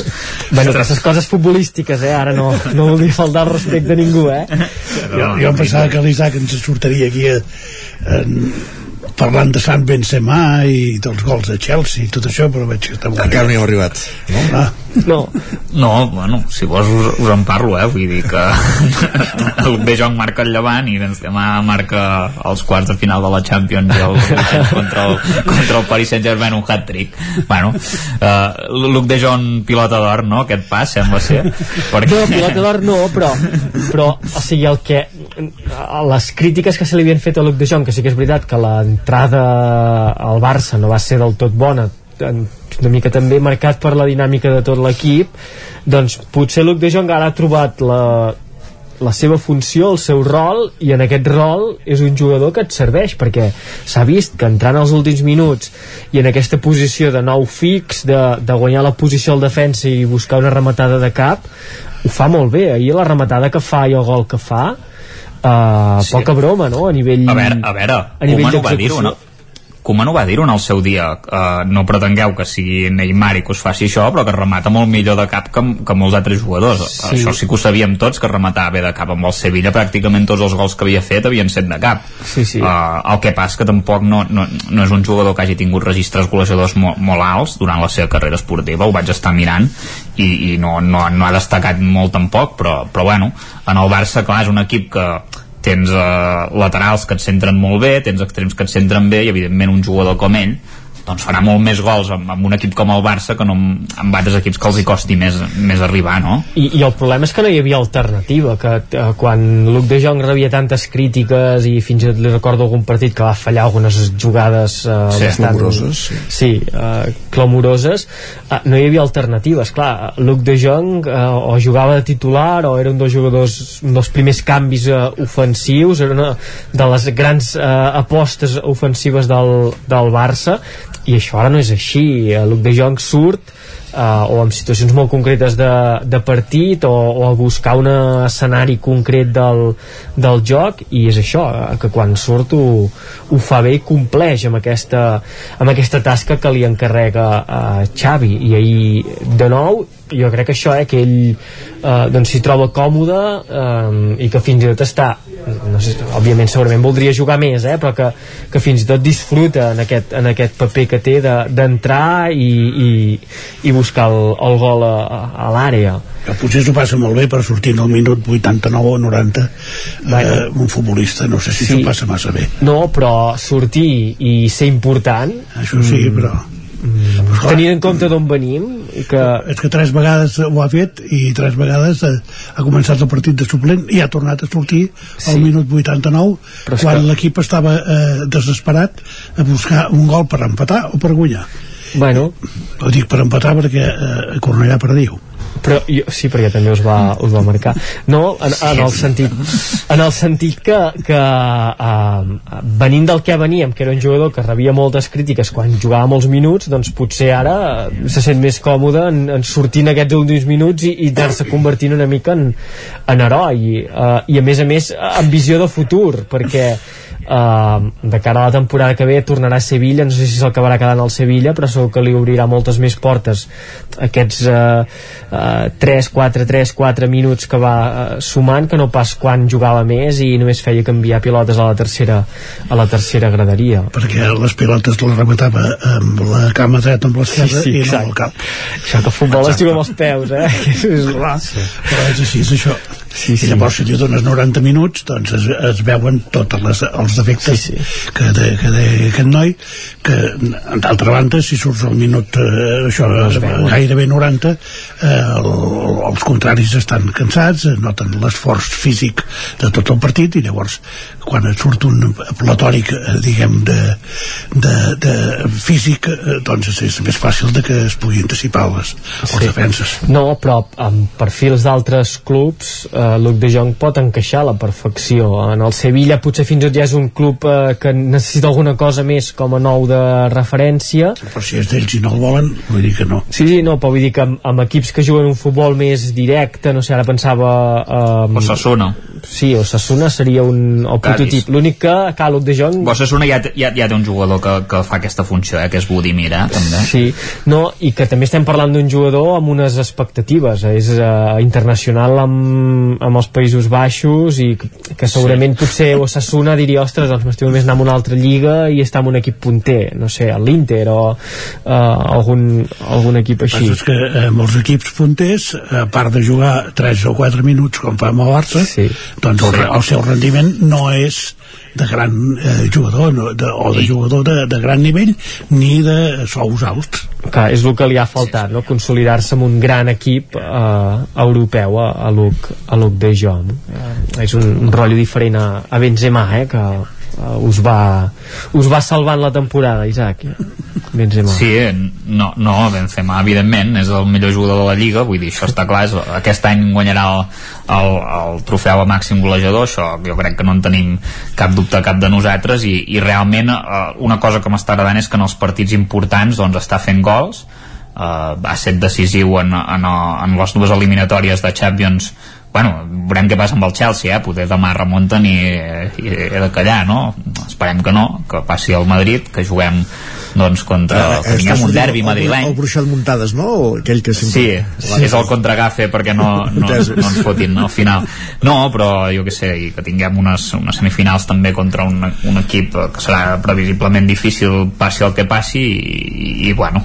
Uh, el Madrid realment està sorprenent aquesta temporada va fer un molt bon partit a, a, al camp del Chelsea i que, que també suposo que està afectat una mica per tot el, uh, tot el que estan vivint institucionalment però, però bé, són d'aquells partits que a vegades s'ha de fer un cop de puny a la taula i, i demostrar que, que l'equip a les nits de Champions es transforma i, i un altre cop Vinicius va tornar a estar més o menys bé vull dir que jo crec que l'equip arriba en un moment de forma hi ha gent que diu que l'equip està cansat i això jo crec que no, de fet està, va fer rotacions bastant importants Ancelotti aquest cap de setmana, Kroos i Modric no van jugar ni un minut vull dir que que jugaran amb el partit contra el Chelsea previsiblement. I, i sí que poder, mira, al Madrid potser el que li falta una mica és en Luc de Jong que, que ara, ara que ho estan, ah, ara que ho estan eh? pensant Luc de Tronc, sí, deies, no, eh? Luc de Tronc bueno, que seguirà, seguia sent Luc de Tronc no, però que vull dir que clar Mariano, per exemple, no, no juga perquè l'altre dia tenia vertigen es veu, i no va anar ni convocat i, i,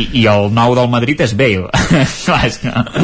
és xiulat, no? El van xiular, no? Sí, el nou de, de, de substitut, exacte, aquest xiulat, però és igual, perquè ell va entrar rient i feliç, i vull dir que ell és feliç.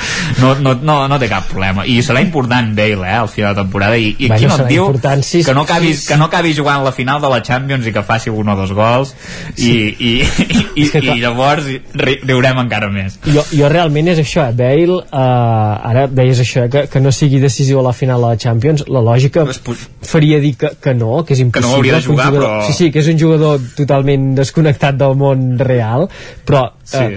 Perdoneu-me la, la paraula però se li empixa absolutament tant tot que sí. és possible que, que a la final de Champions pel que fos, si, si acaba arribant al Madrid eh, o en un partit decidiu de Champions i posin a, a Bale i així com un altre futbolista diria tu, ara em fan sortir aquí jo eh, passo de tot Bale està tan allunyat de qualsevol lògica que seria capaç eh, de, de, de posar-se les piles i de fer un partidàs i, i acabar sent Sí, sí. decisiu vull dir, no, no seria descabellat I, i sí que amb la Champions jo crec que s'ha de dir que el Madrid és un equip eh, afortunat. Afortunat en el sentit que eh, va enganxar un PSG en el pitjor moment de la temporada amb, amb, amb una crisi fins i tot a, a dintre el, el, el club, a dintre l'equip les seves estrelles que no estaven en un bon moment de forma més enllà d'Mbappé um, fa anys que el PSC està així Sí, sí, però dins aquests alts i baixos, eh, en el moment fa un mes i mig, el, dins el PSG, semblava que hi havia fins i tot mala sintonia entre eh, els futbolistes de, de la plantilla, en canvi aquest cap de setmana veiem no? una imatge amb Messi, Mbappé Francis eh, Neymar allà posats eh, superfeliços. Sí, sí, però són estats d'ànim al futbol i si juguessin aquesta setmana contra el Madrid potser seria diferent. I, i llavors els hi toca al Chelsea que el Chelsea és l'actual campió d'Europa però mm, jo crec que no és gens eh, és millor que l'entrats de... Ai, és pitjor que l'entrats de Frankfurt, sí, segons sí, sí, perquè el Barça està jugant l'Europa League no, no ens en amaguem vull dir, no, no, no passa res per, per assumir-ho No, no, però, però, hi ha gent que ho diu, hi ha gent que diu que el Chelsea, actual campió d'Europa, és pitjor que l'entres de Frankfurt i, Mm. bueno, No, està bé, està bé. Però sí que és veritat que la plantilla està eh, afectada, condicionada per tot el sotrac institucional que hi ha hagut i, i que hi ha hagut eh, diversos problemes en la, en la plantilla i que és un equip que no se sap massa el futur cap on anirà, no? De totes maneres deuen ser experts en hoquei patins aquests que diuen eh, això, no? aquests que diuen que, Ah, que que l'Eintracht és millor que el Chelsea aquests d'hoquei Bueno, petits va, van, molt alguna, van algunes tertúlies així de programes nocturns. Ah, de... que que tenen, nom, que tenen nom de bar de platja i que, i que l'altre dia va ser citat per, per una persona d'aquí a la tertúlia un comentari, bueno eh, d'una d'aquestes persones, vull dir que no, no ho dic pas per dir, eh? qui, qui era però digues no, no, Vols que no. es refereix a l'Agustí, no? l'Agust- l'Agustí va, va mencionar un tuit de- d'en J, d'en J. Jordi de- d'aquests tertulians així que no, era, no parlava de l'Entreig eh, però després aquest mateix tertulià va dir això de l'Entreig i res, era una cosa de que el Madrid li xivolaven penals escandalosos a la Champions que ha guanyat i bueno, això de sempre de desprestigiar les copes d'Europa que té el Madrid perquè com que el Barça no va ser capaç de guanyar-ne cap al principi doncs, doncs En aquesta època és Bueno, desprestigi anaven. sol, Isaac. Sí. No, però el Chelsea, jo jo crec que això, eh, que, que eh, el, el Madrid eh, s'ha trobat dos equips en dos moments eh, que no Ma, pas... mai té mèrit, eh, les victòries del No, Madrid. mai. Sempre es troba els equips en el pitjor moment. En canvi, el Barça no fa grans partits. Ostres, Sempre. ara, ara quan juguem contra el City que em, o contra l'Atlètic de Madrid, que em diràs? Que Bueno. també estan en un mal moment. Aviam. Perquè si ens toca el City i el guanyem, no em podràs dir que estan en un mal moment, eh, que és el No líder de la Lliga. saps, saps que no passarà. No, però... El City o l'Atlètic de Madrid? No, saps que no passarà que guanyeu el City. Bueno, ja ho veurem. Allà hi ha el tot poderós, Ja ho veurem. eh, en el City. Sempre que han arribat a les semifinals Manchester City i Real Madrid de la Champions ha passat al Madrid. Doncs Com l'estadística està per trencar-la. Exacte. No, ha però, passat en una ocasió, però bueno. però uh, i, té, i, i, i, i fa pensar aquestes coses. Vull dir, el Barça no, no li ha passat mai al Barça que fes una temporada mediocre i a, i a la Champions uh, l'acabés guanyant o, o acabés uh, arribant a, a finals. El Barça sempre guanyant la Champions ha hagut d'excel·lir uh, en el seu joc i ha hagut de fer una temporada de llegenda. En canvi el Madrid mm, no, competeix a Europa Temporades de llegends. és veritat, comenceu a repassar i en canvi el Madrid uh, no se sap per què allò un gol a l'afegit a un rival que no acaba d'estar bé i va passant Un eliminatòries s'ho pega i la pilota entra. un gol han afegit que recordes el partit d'ahir del Barça no? Una, una, una, no, una, recordo finals de la Champions del Madrid ah. quan, quan Benzema pressiona una vegada i roba la pilota al porter pot ser sort quan ho fa dues pots arribar a dir que és una Sí. mica de casualitat quan són quatre vol dir que potser està una mica entrenat i que no, perquè són porters diferents vol dir que realment s'estudia els porters que Sí. ho, ho dic perquè no tot és sort i, i no, no tots són porters que rellisquen i No, perquè desprestigiem molt el Madrid eh? jo, jo ho veig eh? que, que se'l desprestigia ja ho entenc, eh? és la vostra feina eh? però, ostres, que sap, sap greu que cada setmana fan, el, fan partidassos al Madrid a, a la Champions i, i que sembli que no, bueno, ha guanyat el Chelsea que és, que és un equip doncs, bueno, que, No, que no. passava per allà. Jo treure mèrits no, però sí que Uh, s'ha de posar és que fins i tot ho posaria en valor eh, que el Madrid a, a la Champions guanya partits amb la samarreta. Um, exacte. jo, això sí que, que ho, ho, ho reconec eh, que a altres equips els hi costa molt tirar endavant eh, trajectòries en la, en la Copa d'Europa i el Madrid doncs eh, ho, ho, sap, ho sap tirar endavant no sé, té aquesta mística té aquesta, eh, aquest idili amb la competició i, i sap fer bones temporades tot i potser eh, no ser el millor club d'Europa perquè ara mateix mm, si et fessin dir a tu Isaac ja n'estic n'estic segur que diràs eh, el Madrid el primer de tots però si et fessin dir els millors equips d'Europa ara mateix doncs potser abans hi posaries eh, el City, el Bayern eh, el Bayern no ho sé tampoc eh, perquè bueno, si no li va anar gaire bé també amb el, amb el sí, el Villarreal Bayern, no sé. I ahir també va guanyar 1 a 0 i justet té moments de desconnexió el Bayern eh? és capaç de guanyar-te 7 a 0 o... o els anglesos, no? els anglesos que O- tenen aquest o- ritme de competició el 8 a 2 guanya el Bayern a vegades també. Sí, 2 a 8, sí. sí, sí. No, jo crec que el, el, Liverpool, el Liverpool i el Manchester City se- segurament són els dos equips favorits per guanyar la Champions, però després ve el Madrid. Vull dir, això- i, i no gaire lluny. I, I segurament el Madrid, si vol guanyar la Champions, haurà de guanyar el City i el Liverpool. Sí, Vull sí, dir, sí. això... I, I haurà guanyat el City, si guanya el Champions haurà guanyat el City, el Liverpool, el, el Chelsea i el PSG en les eliminatòries, eh? Vull dir que no, no, no haurà, haurà fet una Champions que, que realment té molt de mèrit, eh? perquè haurà guanyat a, a l'actual campió d'Europa, el PSG que és un de que és el, el líder de la Lliga Francesa i que tenia una de les millors plantilles del món i el City i el Liverpool que són els dos equips en millor forma d'Europa -huh. nosaltres Veurem. haurem fet una bueno, veurem, s'haurà Sí, sí. de veure no? Sí. altres eliminen el, el Galatasaray Però- i l'entra jo vull, I se- i se'ns jo vull el que us toqui, jo vull que us toqui un Sí, equip i el en plenitud això vull que us toqui saps què vull dir? un Oh, equip en va. plenitud Jo, home, jo diria que com que els hi tocarà el City doncs en plenitud és perquè l'Atlètic de serà en Madrid plenitud no? l'Atlètic de Madrid jo diria que possibilitats Bueno, de, de sí, passar o sigui perquè no, no pot pas jugar sense davanters No. si ha de fer un gol però sí, I, si, però i si ha de jugar una mica endavant eh, jo diria que bueno, ja ho va demostrar dissabte a Mallorca com estan Sí, el que passa que això de l'Atlètic de Madrid és com mastegar sorra, eh, una mica també, vull dir que a vegades eh, es, es, es comencen a encallar, encallar, encallar i al final allò un gol tonto eh, però no, no, la lògica diria que passarà al, al City i això, un, un equip en plenitud. I el Barça, vas fent broma al Barça amb l'Eintracht de Frankfurt però, bueno, mira, a l'Europa League que, que reiem tant quan s'hi van classificar, doncs mm, tot es decidirà al Camp Nou la, el pas a, a semifinals Sí, mira 90 minuts en el Bernabéu ah, i en el Camp Nou són molt de long en el Spotify Lluís, eh, ahir va guanyar a casa una, mi- per la mínima contra el Celta, eh? Va ser-hi o no? sí, sí, sí Com va el partit? Bé, un partit d'aquests amb dos equips que no s'hi juguen gaire res, o absolutament res, que es distreuen i el partit no, no va passar dolent, però tampoc va tenir la intensitat aquesta que busques amb un, amb un partit que, que jugues tres punts a la Lliga, que sempre hauria de tenir un interès especial només per això, però bé, vam veure, això sí, un pilota d'or que va fer un gol al minut eh, 90 o 89 i ara en, en, en, en Guillem m'ha mirat quan he dit un pilota Sí. d'or però que pilota d'or de la marcar Xina Golei, no? li acaben de donar la pilota d'or de la Xina Ah, vale. no? No, no. deu ser més important no, no més important, deu tenir més habitants eh, a Xina que tota Europa Sí, sí, sí, home, seguríssim. doncs eh, de, de mil i no sé quants milions doncs un ha estat ell que li van donar la pilota d'or i li van donar aquesta setmana precisament El que passa que Volei ara feia temps que no se'l veia massa, eh? No, i, i el gol, l'últim que va marcar, em penso que va ser la, la temporada 33-34, però el... de 334 Però el... El, el, el Barça, no? Sí, exacte. el del Barça Sí.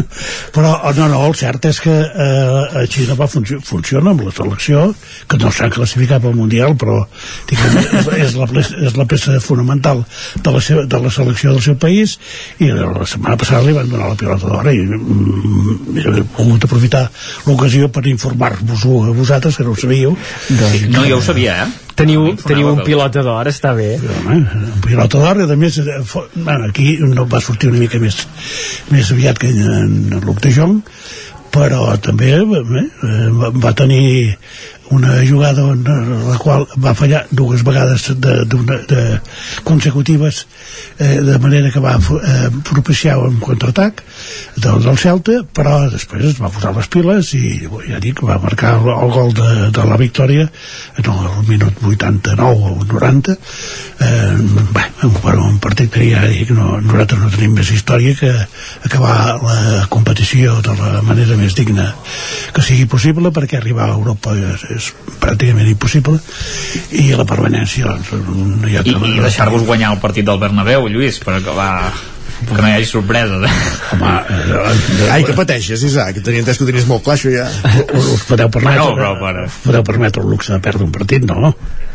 tres en podem perdre però, Però, però, vull dir que no guanyeu els altres És que aquesta lliga, jo recordo abans de Nadal que dèiem que ja estava fet, eh, això de la lliga.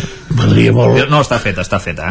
m'agradaria molt haver fet els 6 punts contra l'equip que serà que guanyarà la Lliga Mm, és veritat. eh? de moment ja hem fet la mitja feina ara faltarà la- l'altra l'altra meitat però vull dir que estaria molt eh, simplement un, una anècdota eh? Són els reptes que us queden, no? Potser ara també anar fent aquests eh, partits... que, Eh, res més i esperar doncs, que aviam si el club fa un gest jo voldria destacar no sé si vau veure el partit però si no eh, us mireu eh, el, del minut eh, 25 al 30 de la primera part i veureu un, un, un jugador extraordinari que es diu Sergi Darder que fa un futbol eh, eh, immens que no solament va fer una jugada excepcional que si acaba amb gol bueno, si ho haguessin del Barça o del Madrid eh, hauria sortit a tot arreu aquí no va acabar amb gol perquè ningú va rematar però va fer una jugada extraordinària i en darrer va ser l'assistent del gol de, de voler en darrer en Sergi Sartre en, aqu en aquests moments està en un estat de forma extraordinari està per renovar el club i, i, i aquí anava està per renovar el club i el, el que vol és que l'equip o sigui que el club li ofereixi un equip amb garanties per fer alguna cosa més que quedar-se tens a la Lliga allò que demanaven Messi al Barça vaja. Sí, sí. Lluís de Planell, Guillem Freixa i Isaac Muntades gràcies, bon dilluns i bona Setmana Santa ens retrobem d'aquí 15 dies Vinga, adeu Adéu-siau. Adéu, fins aquí 15 dies. Amb l'Isaac Muntades, evidentment, demà, eh? perquè demà continuem dint Territori 17 i, i com bé sabeu, forma part de l'equip del dia a dia de, del programa. Acabem ara sí, el Territori 17 d'avui dilluns, 11 d'abril de 2022. Us hem acompanyat des de les 9 del matí Pepa Costa, el campàs, Guillem Sánchez, Txell, Vilamala, Miquel R, Esther Rovira, Òscar Muñoz, Núria Lázaro, Adrià Oliveres, Isaac Muntades, Lluís de Planell, Guillem Freixa, Jordi Sunyer i Isaac Moreno. I tornem demà a les 9. Adéu-siau, bon dilluns. Territori 17, un magazín del nou FM. La veu de Sant Joan, Ona Codinenca i Ràdio Cardedeu amb el suport de la xarxa. El nou FM.